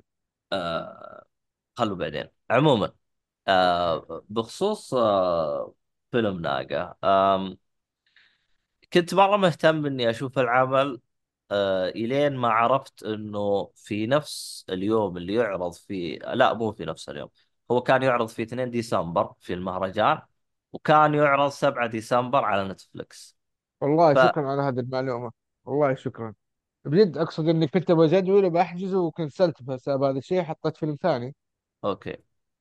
طيب آه فأنا صراحة كنسلته. لكن إيش اللي صار؟ اختبص الجدول عندي شويتين ويوم إني جيت أبغى أحجز بالأفلام زي كذا ما الظاهر إني ما لقيت حجز وف... وسويت جدول أفلام وطلعت sold out المهم إنه اختبص عندي جدول رحت عند الكاشير اللي يحجز قلت له تدري أعطيني فيلم كذا وكذا وكذا. و... وسوالي من ضمن هذا وحط لي ناقه لأني أنا كنت حطيت وقتها الافلام كلها في آه، ال Ritz أو الفندق لأني ما كنت أبغى أروح لل VOX كنت وقتها مرة قافله أخلاقي. هذاك اليوم صار لي لب ربشة كذا ما حجزت الأفلام غير متأخر. هذا سبب إني حجزت فيلم ناقه ولا أصلا ما كنت أبغى أحجزه أصلا. آه كنت أبغى أشوف نتفلكس المهم بخصوص فيلم ناقه آه فيلم من إخراج مشعل الجاسر مشعل جاسر آه، متعودين عليه إنه هو ينزل سكتشات آه، عبط كذا شويتين آه، في اليوتيوب في برنامج فليم فالسكتشات حقته كانت يعني خلينا نقول إنها مقبولة لمخرج جديد على الساحة يبغى يجرب التجارب حقته ويسوي الأشياء دي كلها. كان جدا جدا ممتاز. طيب الآن هذا أول عمل أو أول فيلم طويل له. يعني خلينا نقول واحد طالع من سكتشات راح دخل على الثقيل على طول على فيلم. فالمفروض انك إيش ما تتوقع منه شيء. وهذا الشيء اللي أنا صار ما توقعت منه شيء. فدخلت نبغى نشوف إيش الهرجه طبعا آه الفيلم أو الصورة حقته آه خلينا ما خلينا نبعد عن الصورة. خلينا نشوف الوصف الفيلم. أنا يوم قريت وصف الفيلم تحمست نوعتين انه آه شويتين تروح الوصف الفيلم يوم هم واصفينه يقول لك فتاة تلاح تلاحق مقبل ناقة بعد أن قتلت ابنها. هذا وصف الفيلم موجود ادخل في أي مكان راح تلقى هذا وصف الفيلم. فتاة تطارد من قبل ناقة بسبب أنها قتلت ابنها. تقول أوه إيش الفن والحركات هذه؟ تدخل الفيلم تكتشف أنه القصة حقت فتاة تطارد بقبل ناقة لأنها قتلت ابنها في نهاية الفيلم. حرفيا ما أطقطق. حرفيا بدون استهبال. القصة هذه المذكورة هي في نهاية الفيلم. الفيلم كامل مدته ساعتين. ما له علاقة في الفتاة اللي تطاردها. ما له علاقة بالأشياء هذه كلها. نجي للقصة الحقيقية للفيلم. للي يعرفني اللي يسمع بودكاست من قبل يعرف إنه أنا عندي مشاكل مع أي قصص زبد. أنا قصة أنا ما أحبها. تتذكرون سفلت في ديفيد لينش لما قال بس. آه ما أحب فكرة بنت طالعة بمواعدة وبتروح مع خويها. أنا هذه نهائيا فكرة ما أحبها. فأنا من بدايه يوم جاب الفكرة هذه قلت يا رجال على كل الأفكار ما لقيت غير الفكرة هذه إنك تبدأ فيها الفيلم حقك. مشي. آه فالقصة بالنسبة لي ما عجبتني. هذه أنا مشيتها. أول ما تبدأ الفيلم يبدأ يخض لك الكاميرا. حرفيا إني ما أطقطق وإني أقول لكم الشيء هذا ب... إني من جد حقيقي. حرفيا إنه جاني غثيان. والله يوم جلست أناظر الشاشة في القاعة والله جاني غثيان. غثيان حرفيا كذا أنا مخي قلب.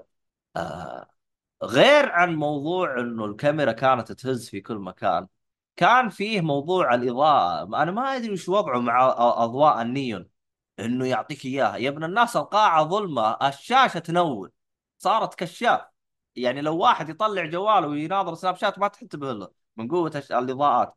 كان هو لعبه بالإضاءة ما أدري وش الفزلكه حقته أو وش الفلسفة اللي هو يبي يوصل لها. أنا ما أدري وش كانت الفلسفة حقته. على عذاري تقول شاص مو كاميرا. أها يلا خذ لك. المهم آه فهذا بخصوص. طبعا يوم إني جلست أشوف بعض الأشياء اللي أنا ماني متقبلها. يا أخي قلت يا أخي يمكن عبد الله الشريف فيه خلل. يمكن هو ما قدر يستنتج الرمزيات اللي موجودة في الفيلم. فك تويتر وروح اقرأ كلام الناس. يا ودي اكتشفت الناس متضايقين من الفيلم أكثر مني. أنا على الأقل طلعت منه وأعطيته آه، واحد من خمسة. لا اكتشفت الناس حطوه يعني أنا أعطيته ترى في مقبرة التاريخ زبد. يعني في في مقبرة التاريخ. اخراجيا كان سيء. كان في لحظات هز للكاميرا. طبعا أنا عندي ميزة أنا شويتين إني أروح وأتفاهم مع المخرج إيش وضعك؟ كان فيه لقطة الناقة بتهاجم سارة اسمها سارة الظاهر بالفيلم. إيوه سارة. كان الناقة بتهاجم سارة. تتوقع المخرج إيش سوى؟ المخرج مشعل جاسر كان يسمع لعبد الله الشريف. كان عبد الله الشريف متضايق من فيلم الينز الثالث اللي نزل 1991 قال والله لا أكرهك زيادة بالفيلم ويسوي نفس الغباء اللي سواه. المخرج في الينز 2000 آ- آ- آ- اللي هو في الينز 3 1991 يا آدمي إذا أنت عندك إمكانيات ضعيفة لا تحط اللقطة. يا حبيبي شيل اللقطة كلها. اللقطة كانت وش؟ إنه الناقة بتض... بتشيل ساره وتر... وترميها يمين وترميها يسار. المخرج إيش تتوقع وش سوى؟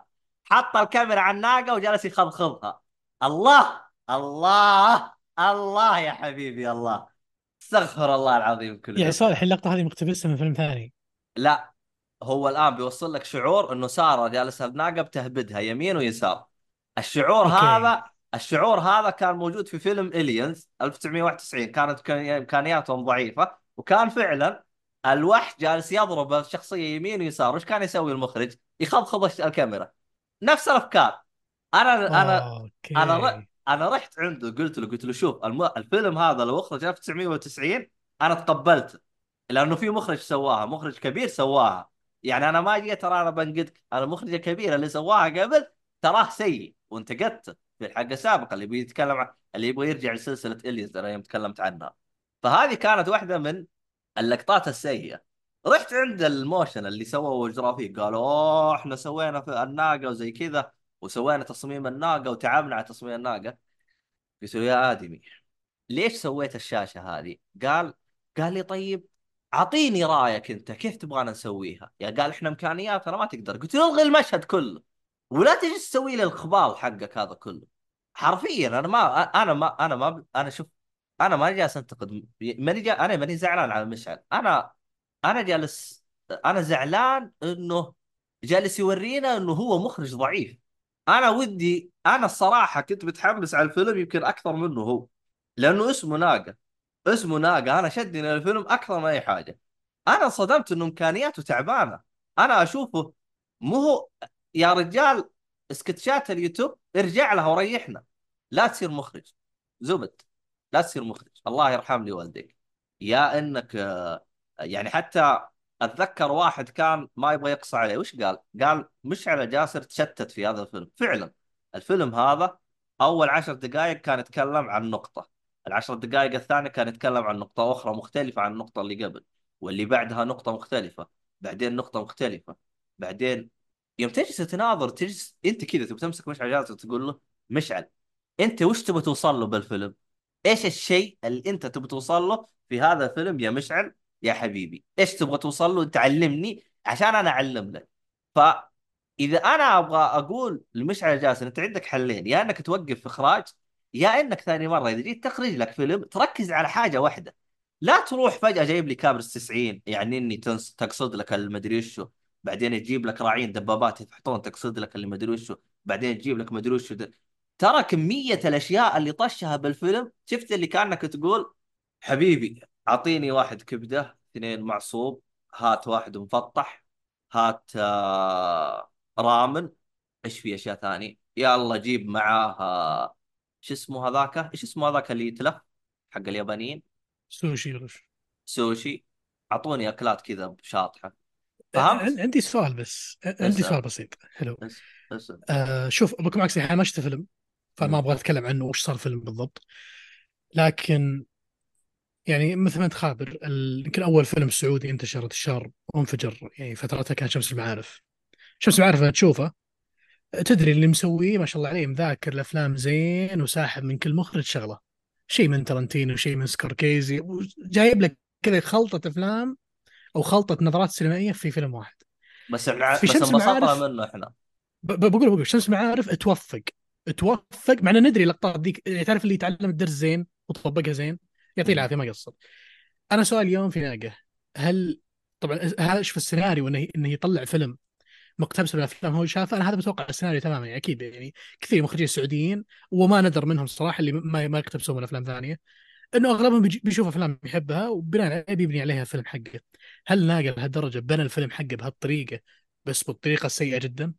هو شوف أنا عشان أكون م... أكون منصف مع مشعل مشعل كان في باله افكار ويبغى يطبقها بس خانه التعبير.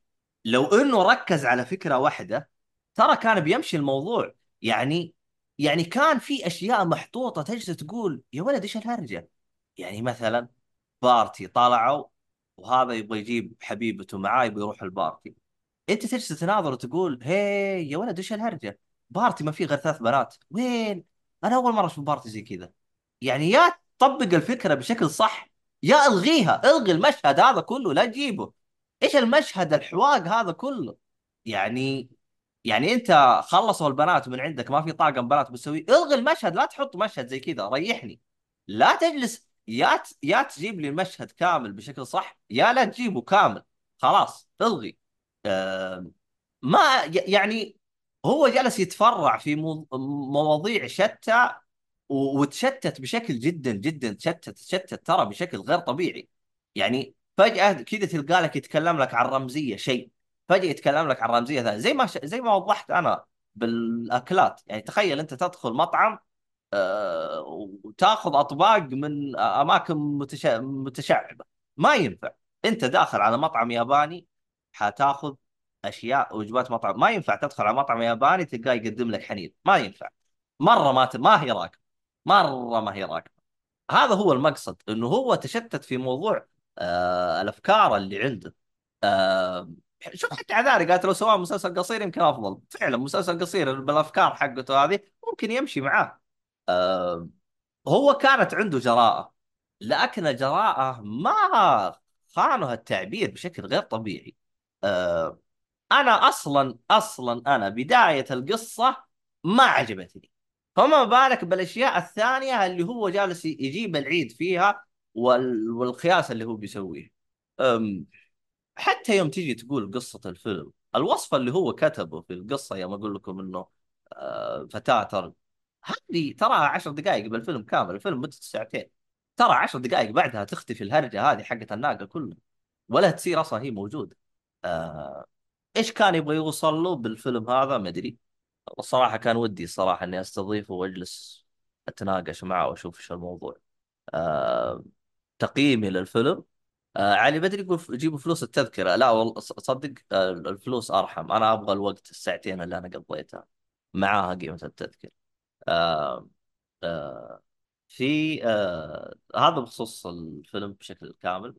آه تقييمي له من خمسة هو واحد هذا كان أسوأ عمل شفته في مهرجان البحر الأحمر 2023 بالنسبة لي أنا. طلعت منه و... لا والله معليش معليش وكندا أسوأ منه معليش. مو وكندا وكاري أسوأ من معليش آسف. أنت قبل الأخير يلا ها بسط. طيب آه... خلينا نروح للعمل اللي بعده آه... سيف. أوكي حلو.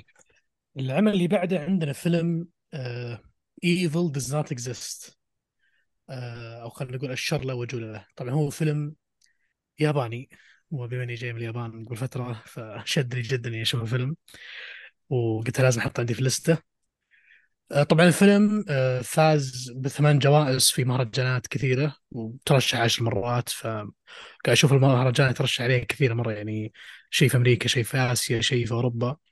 فالفيلم مبدع في كل مكان. طيب خلينا نتكلم عن الفيلم والفكرة منه وإلى آخره. الفيلم يتكلم طبعا عن آه، قصة أب آه، اللي هو اسمه شو اسمه تاكومي وبنته. آه، عايشين في منطقة اسمها هرسا... اسمها هوروساوا أو هرساوا منطقة شمال طوكيو. تعتبر من مناطق الغابات والمناطق ال- اللي برا عالم المدن. آه، فأهلها عايشين على النهر اللي يجري من الجبل و... وعايشين حياة طبيعية في مطعم فيه المقهى فيه مكان التجمع حق المدينة فيه ال- النجار وفيه الحداد و... خلينا نقول طبيعة ال- القرية العادية ما يعني ما فيها تكلف كثير ما فيها صخب المدن وإلى آخره. آه الفيلم طبعا بدايته كانت يعني أنا الفيلم أعتبره مساج بالنسبة لي في طول المعرض لأن بدايته كانت لقطة صامتة وان شوت طويلة. أنا هذا طبعا جوي مرة خصوصا إذا المنظر يفتح النفس. والمنظر طبعا تخيل معي غابة وكلها ثلوج أو خلينا نقول كل الأرض كلها كانت ثلج والاراضي كلها بيضاء. واللقطة الأولى كانت إنه هو ماسك الخشب ويقطع الخشب و... وقاعد يضبط الخشب ويضبط شغله فتعرف اللي كذا one shot واحد قاعد يسوي dai... daily daily work يعني بالنسبة له كنجار أو ك أو كشخص لأنه هو كان البطل تاكومي آه، عبارة عن يسمونه الرجل يسوي مهمات كثيرة فهو ما له وظيفة معينة. هو يساعدك يدف معك آه، أغراضك يشيل يشطح حداد في الليل نجار الصبح كل شيء يسويه هو في القرية. فهو زي الفزيع أو رجال القرية على قولتهم. آه طبعا بداية الفيلم زي ما قلت في one shot مرة كان جميل بعدين الفيلم أصلا يتوارى فيه موضوع ال one shot هذا أكثر وأكثر وأكثر. آه فهذا من ناحية الجانب التصويري والسينمائي وفي silent scenes كثيرة ولقطات صامته كثيرة. الفيلم طبعا آه كان فيه فكرة ورمزيه من اللقطات هذه اللي يوضح لك ترى إن هذه المدينة وهالناس اللي عايشين تراهم عايشين في طبيعتهم في سكينتهم في أجواء القريه الطبيعيه اللي ما تبغى تتأثر بعالم المدن. إلى أن يحدث الشر اللي ما كانوا يتوقعون القرية ألا وهو أن في شركة من الشركات اللي من طوكيو مختصة في بناء المنتجعات والفنادق خلينا نقول قررت تبني منتجع داخل هذه الغابات بحيث أن العالم يعيشون أجواء ال camping في اليابان في مناطق برا طوكيو. فكانت اللقطة هي عبارة عن اثنين من الشركة مجتمعين في مركز القرية وجميع آه، سكان القرية اجتمعوا في هذا المركز وقدامهم ال- الموظفين حق الشركة فكانوا يكلمونهم يقولون لهم يا جماعة إحنا بنسوي presentation نستعرض فيه مشروع الكامبينج هذا والخريطة نبغى رأيكم يعني خريطة المشروع وين راح يكون يقام إلى آخره. فلما شرحوا وخلصوا كان ردة فعل اللي في القرية بالرفض التام إن هذا المشروع لا يتم مستحيل يتم لأن هذا المشروع راح يضرنا ليش؟ لأن كان المشروع سيقام في منطقة لأعلى الجبل وهي المنطقة اللي يجي منها النهر. حلو؟ وكان اختلاف الناس يقولون ليش أنتم تحسونه فوق الجبل لأن هذه الموية أي شيء من فوق الجبل يصير غلط إحنا نشرب الموية هذه، الموية هذه نسوي فيها أكلنا، الموية هذه هي اللي نشربها كل يوم وإلى آخره. فمن موية حقت الجبل بالنسبة لهم هذه موية طبيعية هم يعني كل يوم يشربونها وكل يوم يعني يستخدمونها لحياتهم بشكل عام. فكان هنا الحرب خلينا نقول أو الشر المقيم بينهم انه ترى الشركة جاية تبي تطلع أو تسوي ال camping resort والقرية يحاربون هذا الشيء. وتبدأ الصراعات بين موظفين الشركة وبين أهل القرية. آه، طبعا يتوارى السيناريو إلى أن أنه يكون آه، واحد من موظفين الشركة يتأثر بطبيعة هذه القرية وعيشتهم. ويجي شعور اللي أنا شخص في عالم المدن وأعاني من هالوظيفة ومن هالقرف على قولتهم حالتي حالة. ليش ما أعيش حياة بسيطة زي الناس هذولي؟ واقطع يعني جت في لقطة أن هذا تاكومي البطل كان يقص آه، أو يقطع آه، الجذع خ- آه، شو اسمه جذع خشب اللي هو لقطة طبيعية لما يجيب فاس ويكسر له خشب. فهم جايين عشان يكلمونه في موضوع يبغون يبغون يبغون فزعته في سالفة حق الشركة. فحق الشركة لما شافوه جاء واحد منهم قام يقطع زيه قال بعدين استوعب إنه أنا المفروض أعيش هذه العيشة ليش أعيش عيشة المدن؟ فالفيلم فيه طبيعي في فيه خلينا نقول يسمونها عفوية كثير في الفيلم بشكل رهيب مرة. حتى الممثلين ما في ممثل معروف أصلا تحسهم ناس كذا يعني ذس از جبان هذه اليابان بشكلها الطبيعي بناس طبيعيين جدا بدون تكلف بدون أي شيء. آه، طبعا آه، كثير من الفيلم حوارات عميقة جدا وطويلة و... ولها سبب إنه يوصل لك المعلومة إن هذه قرية طبيعية وهي بع- بعيده عن صخب المدن وبعيده عن هذه الأمور ولهم سبب يحاربون هذه هذه الشغلات. حتى يمكن في من ضمن الجلسة هذه حقت مركز المدينة كانت في طباخة مطعم رامن تقول ترى أنا طالع من طوكيو وجاي هنا لأن عرفت إن طعم الرامن يفرق لما الموية مصدر مصدرها يفرق. فلا تجوا تخربون الموية علي علشان أنتم عندكم ريزورت بالمنتج حقكم. آه طبعا الفيلم يدخل إلى مرحلة مأساوية في النهاية. آه تنتهي بعملية قتل أو عملية موت يعني. آه كيف وصل لها الفيلم؟ يعني ما أقدر اوصفها بشكل واضح لكن أكثر من شخصية تقاطعت في أكثر من موقف أدى إن في شخص بيموت في الأخير. ف كان مأساوي للأمانة في النهاية. بس أنا عجبني الفيلم الصدق لأن البساطة حقت السيناريو هذا قدمت آه، لما يقول لك evil does not exist هو فعلا does not exist وال evil هم اللي يقصدون هي مو ب evil شيطان لا هو evil خلينا نقول ال capitalism أو خلينا نقول يسمونها ما أدري مش معناها بالعربي اللي هي آه، خلينا نقول التطور والصنعة وإلى آخره فانه كيف تدخل في عالم الطبيعة وكيف إن الناس الطبيعيين ما يحبون الشيء هذا ما يحبون صخب المدينة يدخل عليهم. الفيلم كان جدا لطيف كان جدا يوصل رسالة كان مليان يعني آه، خلينا نقول آه، لذة سينمائية حلوة خصوصا في اللقطات الصامتة الطويلة الجميلة جدا صراحة وما يحتاج ليابانيين يمكن آه، أبهروني بهالفيلم. متحمس مرة أشوف أفلام يابانية فيها إبداع بهالطريقة. آه، صراحة ما أخفيكم القرية اللي كانوا فيها حطيتها في ال plan عندي أبغى أروح لها.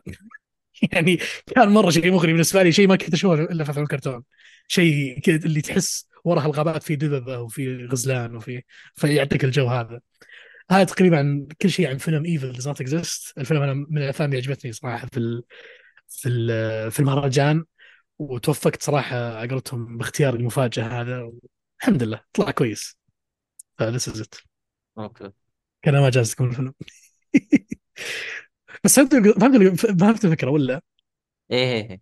طيب. حادي حادي آه الفيلم اللي بعده اللي هو فيلم آه رو رانزمو رانز Ransomed Ransomed اللي هي من الفدية آه أو المفتدى به تقريبا إذا ترجمنا المعنى. وش هو؟ آه من آه، شو ها؟ اسمه الجنسية وش جنسية العمل آه كوري. okay.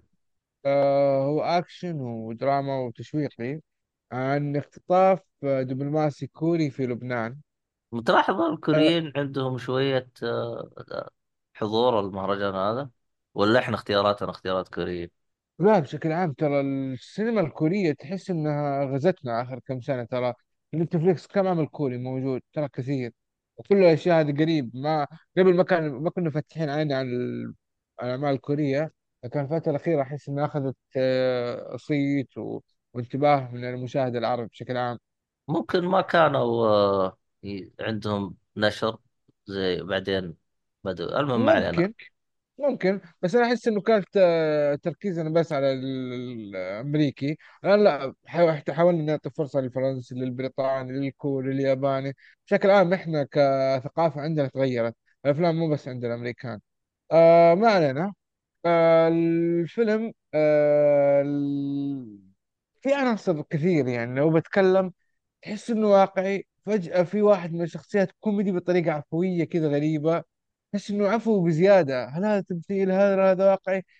صدق أنا قاعد طول الفيلم أفكر في هذا الشخص بالتحديد. الأحداث تحسها واقعية طريقة التعامل مع الأحداث طريقة التفكير في صعوبات صعوبات فعلا تحس إنها واقعية اتخاذ قرارات والأشياء هذه. في أشياء كذا تريكس في الفيلم آه إنه يوضح لك ترى الأشياء هذه واقعية. قلت طيب هذا الفيلم بين واقعيه وبين لا واقعيه طيب ونهايته؟ آه القصة هي باختصار في دبلوماسي زي ما قلت كوري خطف في لبنان في نهاية الستينات 1900 وأتوقع 68 إذا ما كنت غلطان. آه هو انخطف والسائق حقه يعني تركوه فعليا تركوه خلوه يروح يدربه. آه السفارة التركية أو السفارة التركية آه الت- التركي التركي- من الكوريين نفسهم قاعدين يدوروا على هذا الدبلوماسي وين اختطف؟ اللي اختطفوا من إيش جنسيته وايش هدفه وايش إيش إيش. فقاعدين يدوروا على هذا الشخص أو الدبلوماسي هذا. آه، يعني لما لقوا دليل بطريقة معينة. وتكتمل الاحداث وفي أشياء بالصدف تمشي وفي أشياء كذا وكذا. خلص الفيلم الفيلم الامانه يعني اذا بقول رأيي عنه آه، بشكل مبسط. فيلم ممكن يجي فيلم جمعات. آه، فيلم سياسي وفي اكشن وأشياء غريبة. الأكشن فيه ما هو مرة لكن في عناصر أكشن. آه، طريقة آه، سرد الأحداث آه، طريقة اللي هو تشويق الحدث اللي بعده كلها مكتوبة بطريقة حلوة. وصلنا للموضوع اللي هو ال Q and A أو الأسئلة والأجوبة. فالسؤال اللي سألتهم بشكل مباشر هل الأحداث حقيقية؟ قالوا لي إيه. فوقتها يعني أنا انصدمت قلت لهم هذا الشخص اللي كان يتكلم الكوميدي اللي هو السواق. آه ما أدري هل ذكرت هذه المعلومة ولا لأ بس ما يحترم كبير. هل هو كذا شخصيته في الحقيقة؟ قالوا لي إيه. فالموضوع غريب شوية الأمانة لكن في نفس الوقت ممتع ومسلي إنه شخص غير الجو ال- الدرامي الواقعي إلى كوميديا تخرجك عن الجو اللي أنت فيه. كأنه شخص اللي هو يغير طعم الأكل. إذا أنت حطيت ملح في الأكل مو زي الأكل بدون ملح فهذا كأنه ملح الأكل. ملح الدراما الواقعية الموجودة بكوميديا كذا ممتعة. آه، الأمان الفيلم زي ما قلت أنصح فيه. وعاد أتمنى تشوفوه تعطون رأيكم. عاد ما أدري بينزل على أي منصة متى بينزل هذه الأسئلة ترى غالبا ما نعرف إلا إذا دورنا أو انتظرنا. يعني غالبا هذه الطريقة آه، بس أغلب الأفلام المعلومية ما عندنا فكرة. أتكلم بشكل عام يعني للمتابعين. طيب خلصت؟ خلاص أوكي. آه خلنا شو اسمه هذا أدخل على العمل اللي بعده. آه عندي آه عمل كرتوني آه فرنسي. أنا ما أدري شو وضعي مع الكراتين بس آه صراحة كنت أحاول أحشر آه الجدول حقي وأحيانا ما ألقى هذا. أوه هذا مكتوب بالفرنسي اصبر اصبر خلنا ادوره بالعربي. اصبر عشان أقرأ لك إياه. وله آه سكرو وما ملكت تيار الهواء أو مدري هو the wind أو حاجة زي كذا. هو الاسم اللي عندي بالفرنسي وأنا أنا يلا عرفته بالعربي عشان. عموما آه قصة العمل عبارة عن آه شخصيتين آه صغار آه يحاولوا يقرون قصص. آه ففجأة واحدة من الشخصيات من ال ال ال- القصص آه، أو الشخصيات اللي في القصة من الكتاب تطلع ويتلقفون فيهم يعني حس اللقافة في الأطفال يعني. ف آه شو اسمه هذا لأنهم البنت الصغيرة كانت طفشانة فهو حاول قال أنا كيف كذا طلعت من العالم حقي وهو يروح العالم حقه هي لحقتهم أو لحقته عشان تروح العالم حقه لو تدخل جوا الكتاب.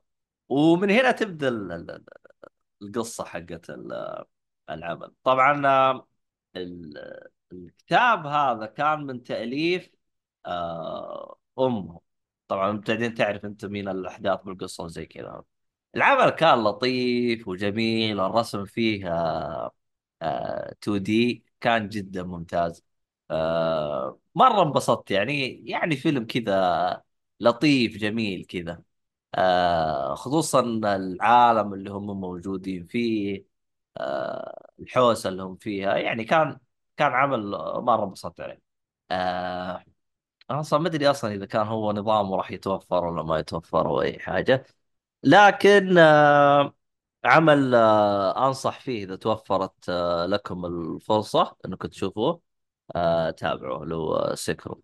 فهذا بخصوص آه، الأنمي. آه، بروح كذا لشلة آه، أعمال قصيرة بتكلم عنها بشكل جدا سريع قبل أروح الشباب في كان فيلم أو مسلسل قصير اسمه بتت- بتتذكريني أو سموير ان بتوين كان هو عبارة عن شخصيتين أو زوجين لهم 60 سنة متزوجين آم، راح تلاحظ إنه في واحد منهم جالس آم، يعني تعبان أو يسرح زي كذا. فتلاحظ إنه إيش يحاول إيش يجيبوا ال- المشاهد بينهم زي كذا. آه طبعا بعدين المخرج تكلم قال هذه جالس أحكي قصة آه والدتي أو جد جدته مدري هو أمه مدري ظا- ظاهر أمه. وتم تصوير نفس الفيلم القصير هذا. آه في نفس البيت حق صدق شكلها جدته جدته في نفس البيت حق جدته آه طبعا هو آه قال آه ثواني. آه معلش معلش كانت حرمة معلش آسف آه كانت حرمة هي جدتها. آه بس هي قالت أنا ما حبيت آه آه د- الدور هذا اللي تديه آه جدتي. آه خفت على مشاعرها وزي كذا. فكان في يعني لمسة لطيفة. طبعا هو من الأفلام القصيرة يعني ربع ساعة. كان فيلم قصير آه جميل. نروح إلى فيلم آه ديسك أو آه تيميز. طبعا هو فيلم سنغالي سنغالي هي بالعربي كذا سنغالي ولا سنغالي ولا بالعربي إيش؟ المهم هو عبارة عن طبعا اسم الشخصية في في اسم شخصية مرعبة اسمها آه كو- كونغ كونغ. طبعا هذا اسم عندهم. آه لكن هو آه، أتذكر هذيك اللي قالت فيلم أبو بوكشه الظاهر إنه عندنا اللي هو يعني زي ما تقول شخصية مرعب من الأشخاص اللي يخوفونا فيها. وإحنا صغار زي أم السعف والليف والشلة والأشياء هذه. آه اللي هو أبو بوكشه وأبو خيشة واللي يكون آه فكان يعني إيش عن آه آه أصغار أصغار كذا شو اسمه هذا؟ يكت... يبغوا يبغوا يوصلون لهذا للشخصية هذا أبو بكشة ويكتشفون وش فيه الخيشة هذه أو البكشة اللي معه. ف- فكان فيلم لطيف كذا شويتين من السنغال. فهذا اسمه ديسك. فيلم حليل كذا لطيف صغير طيب خلينا نروح إلى فيلم إيراني. هذا الفيلم بالنسبة لي أنا أو الفيلم القصير هذا هذا ودي لو تقدروا تشوفون.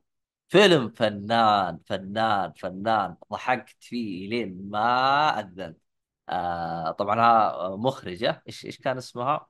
أنا أتذكر لكم اسمها. فرنوش آه سامدي. أتمنى إني قلت اسمها صح. والله شكلي يعني جبت العيد المهم آه اسم الفيلم تايتانيك طبعا أنا شدني. كان اسم الفيلم هذا تايتانيك طبعا هو له تكملة تايتانيك Suitable Version for Iranian Family مدري المهم القصة إنه آه فيلم تايتانيك يبي يعرضونه على التلفزيون الإيراني. فجالسين فجالسين يوريك وش الأشياء اللي لازم تنقص من الفيلم أو تنقطع جالسين يتناقشون بين بعض. اللقطة فلانيه قال لا هذه حرام تنقص. يجي اللقطة فلانيه لا. يا رجال فيلم تفقعت عليه ضحك. قالت آه، طيب في لقطة أنتم قطعتوها ليش؟ آه، المشكلة ما أبغى أحرق والله لقطة المهم فشوف الفيلم هذا. صراحة فيلم إبداعي جميل جدا من الأفلام القصيرة اللي ودك أي أحد يشوفه الصراحة آه أنصح إذا قدرتم تحصلون عليه. رغم أنه ما استبعد آه آه ما أدري إذا كان أصلا آه ممكن الحصول عليه أو لا لأنه هو جالس يلف له لفة مهرجانات لكن اللي يقدر يشوفه أنا أنصح فيه بشدة فيلم كان جدا جدا ممتاز مرة انبسطت يعني. آه في فيلم ثاني اسمه آه مي أند أيدروس أو أنا وأيدروس. طبعا هذا فيلم من مخرجة آه سعودية اسمها سارة. آه سارة بالغانم أو حاجة زي كذا يمكن اخطيت باسمها. آه طبعا الفيلم هذا هو فيلم قصير هو عبارة عن مشروع تخرج آه لها. هي قالت إنها آه كانت تتخرج زي كذا. كانت تتناقش دائما مع موضوع مع ال- الدكتور حقها عن موضوع إنه فيه إحنا طبعا هو القصة بطيخ بس ماشي حالك. إنه موضوع إنه يسوون مواعدة بالسيارة. فهو مو متخيل يقول كيف مواعد بالسيارة؟ فقال يلا أنت دائما ألهتينا بالموضوع هذا سوي لنا فيلم. فكان فيلم حليل كذا يعني له لمسة كذا حل... آه، لطيفة يعني لا بأس فيه. آه هذا بخصوص ميان ديدروس آه في فيلم آه Suitcase آه فيلم هو هنا مكتوب إيراني بس ما أتذكر إنه كان إيراني. أتذكر إنه كان آه آه كردي. المهم آه ممكن هو كردي عايش في إيران. المهم آه الفيلم ذكرني كثير في آه لقطات من آه يا أخي نسيت اسم الفيلم حق آه توم هانك اللي كان بالمطار Terminal الظاهر The Terminal. آه الظاهر اسمه زي كذا حق المطار. آه آه إي Terminal yes. ايترن المهم آه طبعا الفيلم هذا فاز في آه، السعفة الذهبية وأفضل فيلم قصير. صراحة أنا أشوفه يستحق. فيلم جدا ممتاز. جاب لك حياة آه، كردي عايش آه، شو اسمه هذا؟ يعني زي ما تقول إنه homeless خلينا نقول. وبيته الوحيد اللي هو الحقيبة هذه. كان يعني فيه شوية من السخرية. آه، على موضوع الأشياء زي كذا. لكن الصراحة عمل مرة انبسطت عليه مرة جميل. آه، مدته ربع ساعة. آه، كذا يعني زي ما تقول إيش يعطيك المعاناة وكل حاجة وكله على الصامت ما في أحد يتكلم. يعني بربع ساعة كذا يعطيك آه، آه، قصة كاملة. يعني حتى من بعد الفيلم هذا أنا آه، تحمست إني آه، أشوف موضوع الأكراد وهذا خصوصا يوم آه، حادي كان يكلمني على اللي زي كذا حقت الأكراد ومن هذا الكلام. فهذا كان بخصوص آه، فيلم Suitcase آه، في فيلم The The Woodland طبعا هذه كلها أفلام قصيرة. The Woodland أو الحرش. طبعا هذا فيلم أردني. طبعا المخرج هذا كنت أسولف معاه وأخذ وقت معاه قلت له ليش سويت العمل هذا؟ قال أنا عندي فيلم طويل شغال عليه جالس أكتبه اللي هو فارس آه، آه ما أدري وش اسم العائلة. آه قال إنه شغال على فيلم طويل فقال تعبت من كثر وأنا جالس أكتب لي سنتين جالس أكتب. فقال أبغى أجرب الوضع عندي وبجرب الطبيعة اللي عندي من هذا الكلام. و آه آه، آه، وأصور لي فيلم قصير كذا. وطبعا كان مدته نص ساعة. آه عشان إيش؟ أريح شويتين كذا من ال- ال- التعب اللي أنا سويته فيه أو قبل لا أبدأ الفيلم الطويل اللي عنده آه طبعا هو الفيلم يتكلم عن آه شخص آه عايش في آه اللي هو آه إيش اسمها؟ في القرية عايش في القرية أبوه توفى ورايح يبغى يدفنه. لكن آه اللي يجي في الطريق إنه أخوه اللي عايش في المدينة آه يجي و زي ما تقول يسب يعني آه شو اسمه هذا يتصادم معاه في الأفكار لا ادفنوا هنا وادفنوا هناك ويعني تمشي الأحداث. إيه، كان كذا فيلم آه جميل الصراحة. آه وقد حتى سولفت معه قلت له إن شاء الله اننا نشوف فيلمك القادم. رغم إنه طالع مطول قلت له ها بي 2024 قال لا أنا أنا راح أبدأ أصوره في يناير. فما ما ما مستحيل إنه حيكون قريب. آخر فيلم قصير عندي قبل لا أروح للشباب آه Terra Mater آه Motherland. آه طبعا هذا آه فيلم من رواندا من دولة افريقية آه كان بيعطيك جانب من جوانب إنه التلوث ال- آه، ال- القمامي ما أقول القمامي يعني بنت- ت- تلوث القمامة من ناحية إنه إنه الغرب جالسين يكبون المقا... القمايم عندهم من هذا الكلام. فيعني كان عنده نظرة كذا جميل لطيف كذا من طيب أنا كذا خلصت كبشة كذا من الأفلام القصيرة عندي. فنرجع للسيف. سيف تبقى لك فيلم واحد ولا فيلمين؟ الآن عندي آخر فيلم أنا حضرته في مهرجان البحر الأحمر وهو فيلم إلى ابني. هذا الفيلم طبعا هو كان آخر فيلم زي ما قلت وحضرته في ال Gala Screen. آه الفيلم سعودي. آه طبعا قبل بداية الفيلم كالعادة طلع المخرج وطلع الممثلين آه يتكلمون بشكل بسيط جدا عن الفيلم. وخلينا نقول مقدمة انه ترى راح يبدأ الفيلم واستمتعوا إلى آخره. طبعا اللي كان يتكلم شخص ما مو بسعودي كان تونسي فتوقعت انه مخرج يمكن تونسي أو مغربي. قلت أوكي تصير دائما عادي فيلم سعودي يخرج واحد ثاني. وهنا كانت الصدمة. طبعا طلع المخرج أو الشخص اللي طلع في المسرح يتكلم هو ظافر العابدين ممثل ومخرج تونسي كان لاعب كرة سابقا. ان شاء الله السي في حقه كويس إيه. آه يعني شفته يطلع في المسرح مع ممثل قدم ممثلين وبدأ الفيلم. طبعا الفيلم برضو أبغى أذكر شغلة الفيلم اللي أبني آه في أبطال سعوديين أو ممثلين سعوديين معروفين عندنا إبراهيم الحساوي. موجود في الفيلم. الممثلة سارة اليافعي و صح في ممثل ثالث بس ما عرفت أنطق اسمها للأمانة. بس في ممثلين سعوديين صراحة كانوا جريئين جدا و... وتمثيلهم جدا كويس. آه طبعا بدأ الفيلم يتكلم عن شخصية آه عشان ما أجيب العيد بس أبغى أتأكد من اسم الشخصية لأنه بيفرق شوي في السرد حاليا. بس إيه، فيصل إيه فيصل. آه اسم بطل الفيلم فيصل وهو اللي يمثله هو مخرج العمل والممثل الرئيسي اللي هو ظافر العابدين. آه يتكلم عن قصة فيصل. آه هو عبارة عن خلينا نقول آه سعودي راح لبريطانيا يدرس الجامعة والماستر. فترك أهله لمدة طويلة لمدة 12 سنة تقريبا. هو كان يدرس في بريطانيا وتزوج من واحدة بريطانية وجاب منها ولد. وبعد هالسنين كلها فجأة في يوم وليلة كان تعبان وعنده مشاكل أو صراعات مع تعب خاص راح أذكر بعدين كيف فكرته.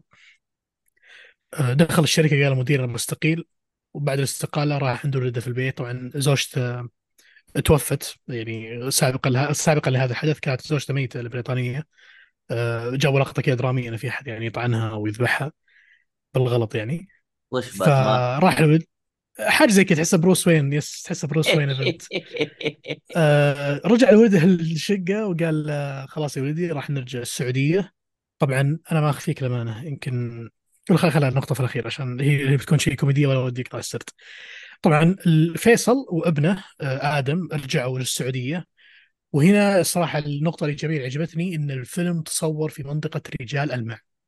وهذا هذا حسب أنا خبرتي البسيطة ومتابعتي البسيطة. هذا أول فيلم أنا أشوفه. يتم تصويره في منطقة رجال المع ومنطقة جنوب المملكة.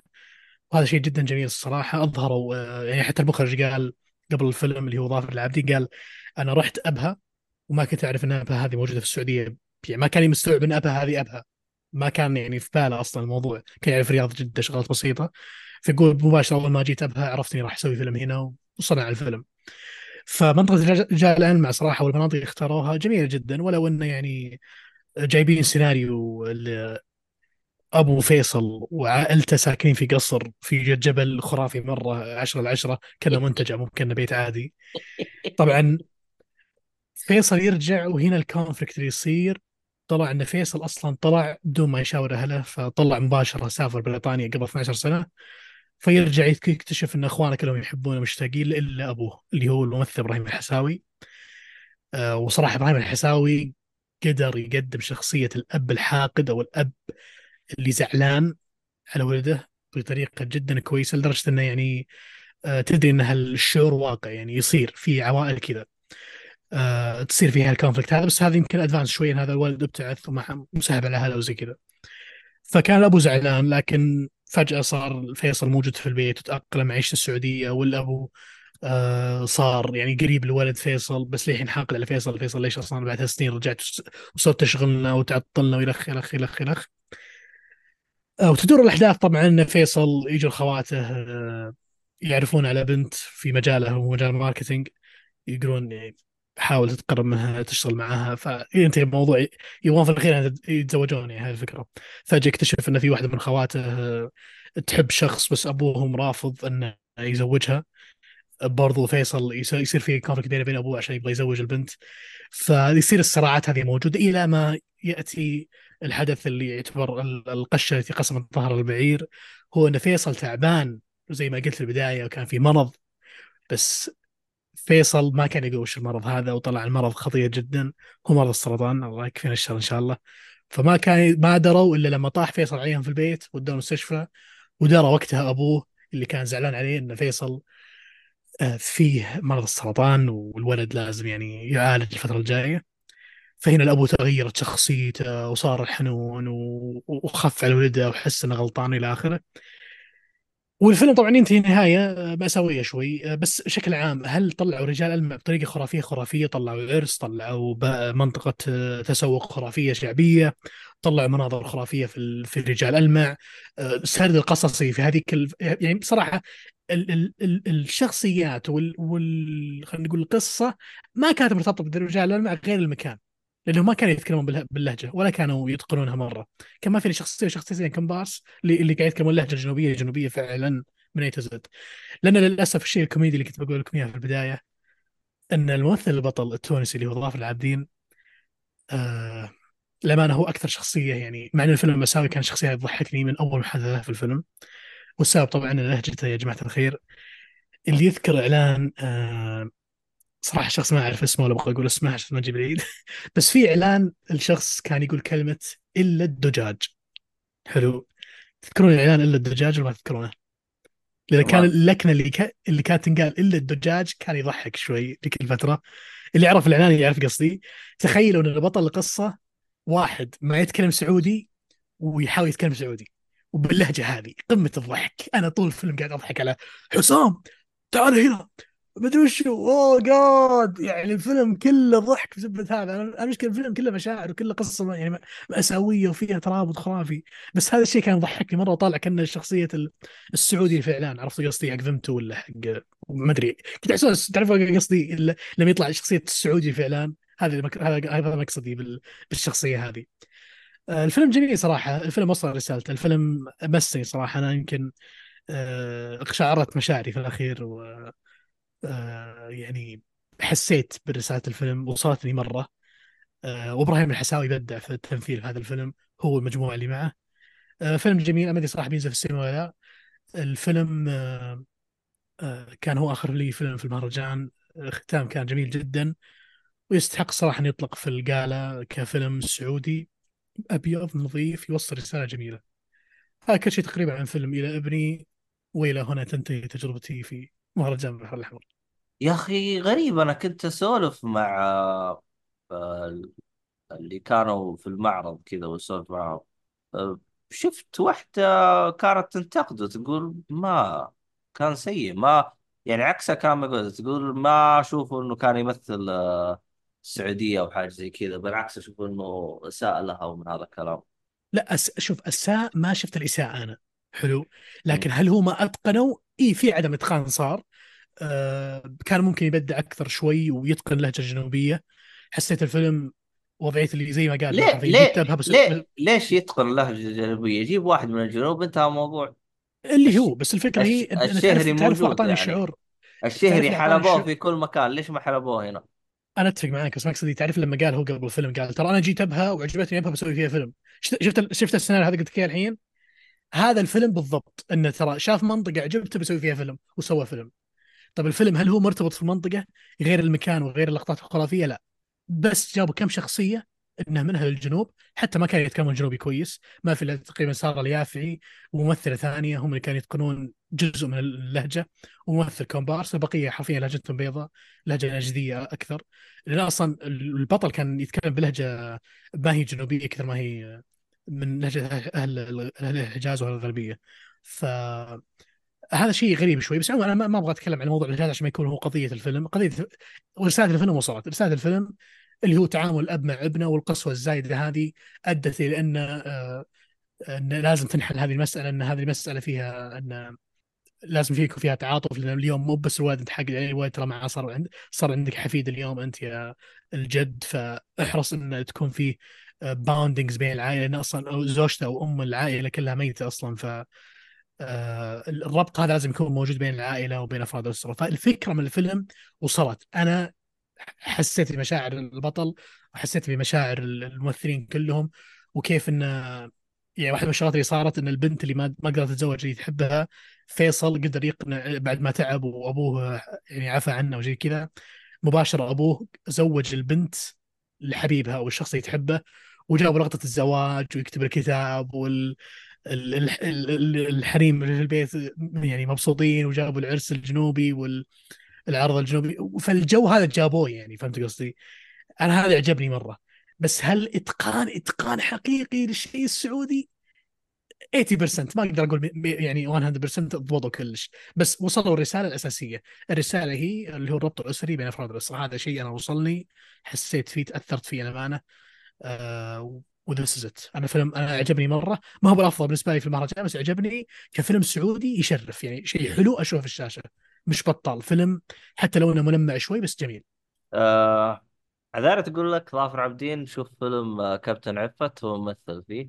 في بعد آه، عروس بيروت كان ممثل فيه. إيه. آه يعني إذا كانت هو. واضح معروفة صراحة ما كنت اعرفه بس آه، الفيلم صراحة كنت كنت للأمانة ماسك ماسك ضحك اللهجه حقته يعني كانت صراحة احتفاء كان اعلانات حرفيا طيب آه حادي. دقيقة أنا قاعد أتأكد من معلومة. كم عندك عمل آه باقي؟ آه دقيقة بس. أبغى أشوف ظافر العابدين قبل ما أروح للم... لل أسئلتك آه آه علي بدري قال نقطة جدا مهمة. يقول مشكلة من الشخص يعيش برا دولته ويتقبل أفكارهم وعنده عادي يجي يسوي فيلم ويبي ناس تصفق له. آه، ترى ترى بقول لك شغلة. آه، أدري إن تعليق تعليق عبد الله هو عبد الله اسمه صح؟ علي. علي. أدري تعليق علي شوي شاطح إنه قصده افكار مبرر طبعا هذا ممثل ما هو سعودي فحرفيا شاف شيء يبغى يطبقه. بس ترى تعليقك يضبط على الفيلم؟ لأن الفيلم ترى جاي بجزئيه اللي آه البراهيم الحساوي الأب كان يقول لولده انت إنت تهجر إنت وديت نفسك برا وتأثرت بعاداتهم وتقاليدهم وتزوجت بريطانية. يعني زي زي إنك يعني عصيتني وزي كذا. فالرسالة هذه وصلها إبراهيم الحساوي بطريقة يعني العتب اللي وصله كان جدا يعني مليان غضب مليان تحس بالشعور يا أخي ما شاء الله عليه في الشخصيات اللي زي كذا هو يبدع من زمان هو من زمان هو كذا إبراهيم آه، إبراهيم الحساوي ممثل قدير صراحة. ف بس يا إيه. أخي أحسك حرقت لي الفيلم يعني صار ماني مهتم إني أشوف الفيلم أه بقول لك صراحة يعني أدري صدقني أنا تكلمت عن الفيلم لكن الواقع يقول روح شوف الفيلم لأن سردي أنا ما راح يكون واضح يعني أنا سردي الحين ترى ملخبط مرة يعني السرد النهائي مو بكذا ترى السرد له له طريق مميز. جدا أنا ما استفيد من سردك وأنا عرفت الحين الأحداث عرفت هو حيمرض أنا الحين ف... أنا عارف ترى شلت فكرة إني أشوف فيلم؟ حرفيا ترى بسبب سردك. والله شوف أنا متأكد تماما إنك بتعيش التجربه لأني مهما سردت لك التجربة نفسها غير أنا متأكد تماما. طيب آه أفلام يا عبد الله بقي لي ثلاث أفلام. حلو؟ أنا كنت بتكلم عن فيلم دونجا لكن لما جبت سالفة آه ظافر العابدين آه، اكتشفت إني شفت له عمل. كنت بتأكد هل هو الموجود ولا في اسم مشابه لكن طلع هو نفسه. آه فما أدري دونجا هل تبغى نخل...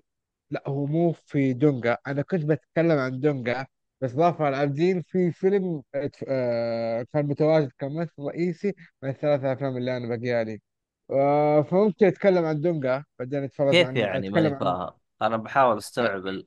عبد الله ال plan حقي إني بتكلم عن دونجا. خلاص طيب. بتكلم عن دونجا بالتفاصيل ما أدري إيش. لما آه، عبد الرحمن تكلم عن آه، ظافر العابدين.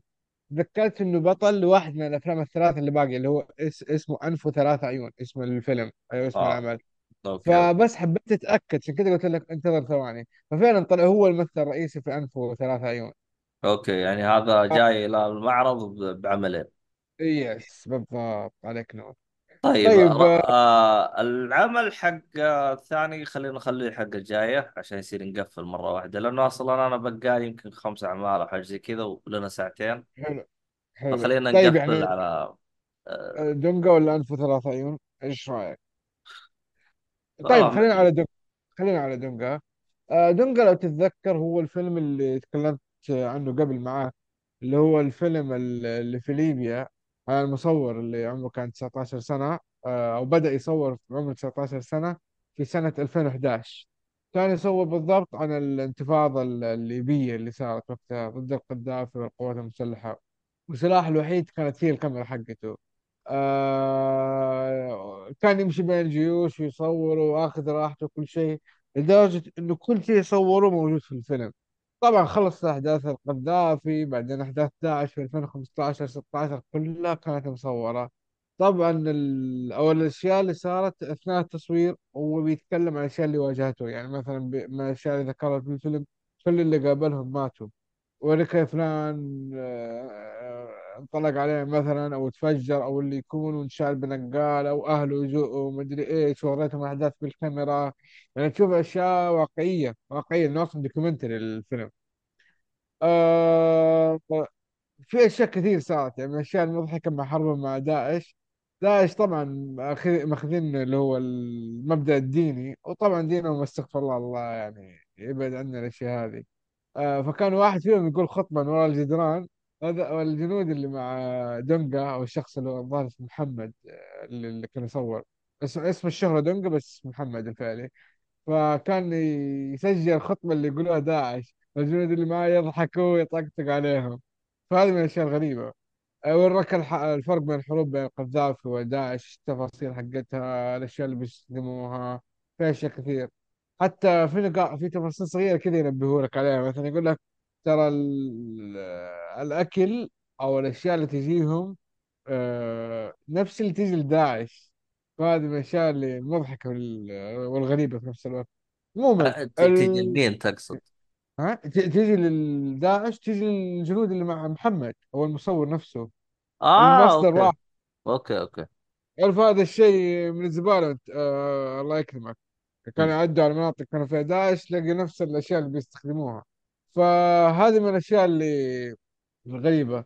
آه عموما آه يمكن كلامي فيه شوية تشويق لكن الفيلم بطيء روتين وطريقة السرد أبدا ما هي ممتعة الأمانة يعني ممكن تك- تكت- تكتفي بالكلام اللي أنا قلته خلاص لا تتفرج الفيلم. فعليا لا تتفرج الفيلم. الفيلم الوحيد اللي تمنيت أطلع منه في في المعرض كنت أتواصل مع عبد الله قاعد أقول له ترى بطلع من الفيلم شكلي. بس قاعد اللي خلاص أصبر نفسي أصبر نفسي أقول إيش النهاية ويعني ما صراحة كان مضيعه وقت. يعني اللي مهتم بيش يعرف الأحداث ممكن يثير اهتمامه لكن اللي مهتم بالسرد مهتم بأي شيء ثاني ما ما راح يفرق معاه. أنا أفضل والله لو فيلم زي هذا يا انهم يجيبوا مثلا اهم اللقطات من كاميرا محمد اللي هو المصور ويعرضوها كفيلم نص ساعة وغيره هو كم كان مدة العمل أصلا؟ الظاهر ساعتين إذا ما كنت غلطان. دقيقة خليني أشوف. آه خليني أشوف. آه يبغى لي أشوف ال runtime صح؟ آه ال runtime. غريبة مو مكتوب في ال details مو مكتوب في التفاصيل. بس أتذكر إنه لا ساعة لا. ونص إلى ساعتين. إيه. تلقاه موجود موجود مكتوب فوق. ثواني أشوف لك وين. آه ساعة ونص ساعة ونص ساعة ونص. okay. ساعة ونص بالضبط. و... فالأمانة حسيت إنها ثقيلة ثقيلة مرة ترى ثقيلة. يعني يعني أنت تشوف لو خلوه ساعة كان أفضل؟ أقل من ساعة يقدروا يختصروا ترى. في تفاصيل كثيرة انعرضت من الكاميرا. تفاصيل تحس كأنه بس بتمطيط الوقت. عشان بعرض ترى كل شيء طلع من كاميرا محمد بنعرضه في الفيلم. تفاصيل هبلة. تعرف اللي كل شيء قاعدين يلعبوا طائرة؟ آه والله تشوف كذا الطائرة يلعبوها ثلاث أربع دقائق يعني خلاص أوكي علمني إنه في طائرة. أعطيني صورة أبو صورة بسيطة أو مقطع أبو 10 8 15 ثانية كفاية. عرفت كيف؟ آه ما ما أقدر افتح صراحة حد الفيلم لأني أنا مليت. لما أنا اتغصبت عشان اكمله وسلامتكم. بس هذا هو. طيب يا حادي. آه أنا باقي عندي آه والله عندي باقي كبشة. قفل بسجل بكرة. اثنين ثلاثة ممكن نمشي. أكثر من كذا مع اللي عندي لا خلينا حلقة ثانية. فشوف أنت إيش وضعك. والله عندي كبشة يعني عندي كبشة أبو نجلس نسجل نص ساعة. آه لا خليها حلقة ثانية. ممكن نتكلم في أشياء زيادة. بكرة نرتب أفكار زيادة نطلع بحلقة ساعة وهذا المطلوب مننا. طيب آه إذا كان الوضع كذا. ما نبي نحرق في الأفلام و... والناس اللي بتمل. يعني الشباب برضو يبغوا يسألوا أسئلة عن المعرض ممكن نخليها بكرة مرة واحدة. بحيث تكون باقي الأعمال اللي عندنا زائد أسئلة مثلا عند الشباب. طيب آه إذا كذا آه خلاص خلينا نوقف كذا.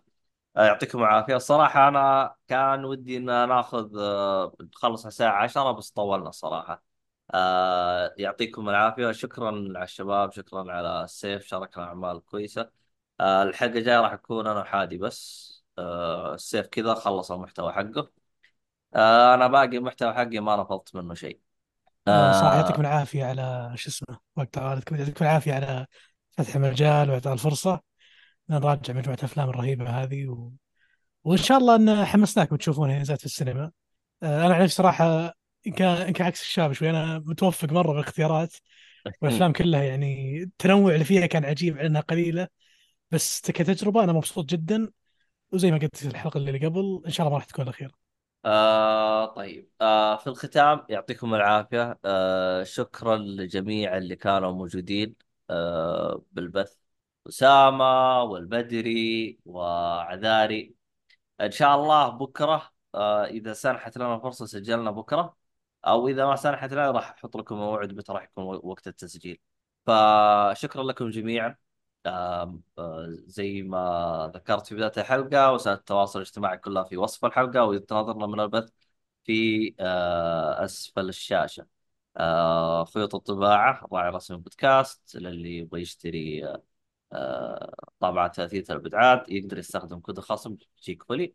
آه، ال- اللهم صل على محمد. آه، هذا كان كل شيء. آه، أتمنى أنه وفقنا في هذه التغطية. آه، الصراحة الأعمال اللي شفناها مرة كثير. آه، جالس أحذف من بعض الأشياء ونسوي ونشيل ونحط. ف إن شاء الله إنه نكون وفقنا في التغطية وانتظرونا في التغطية الأخيرة إن شاء الله. ويعطيكم العافية ومع السلامة.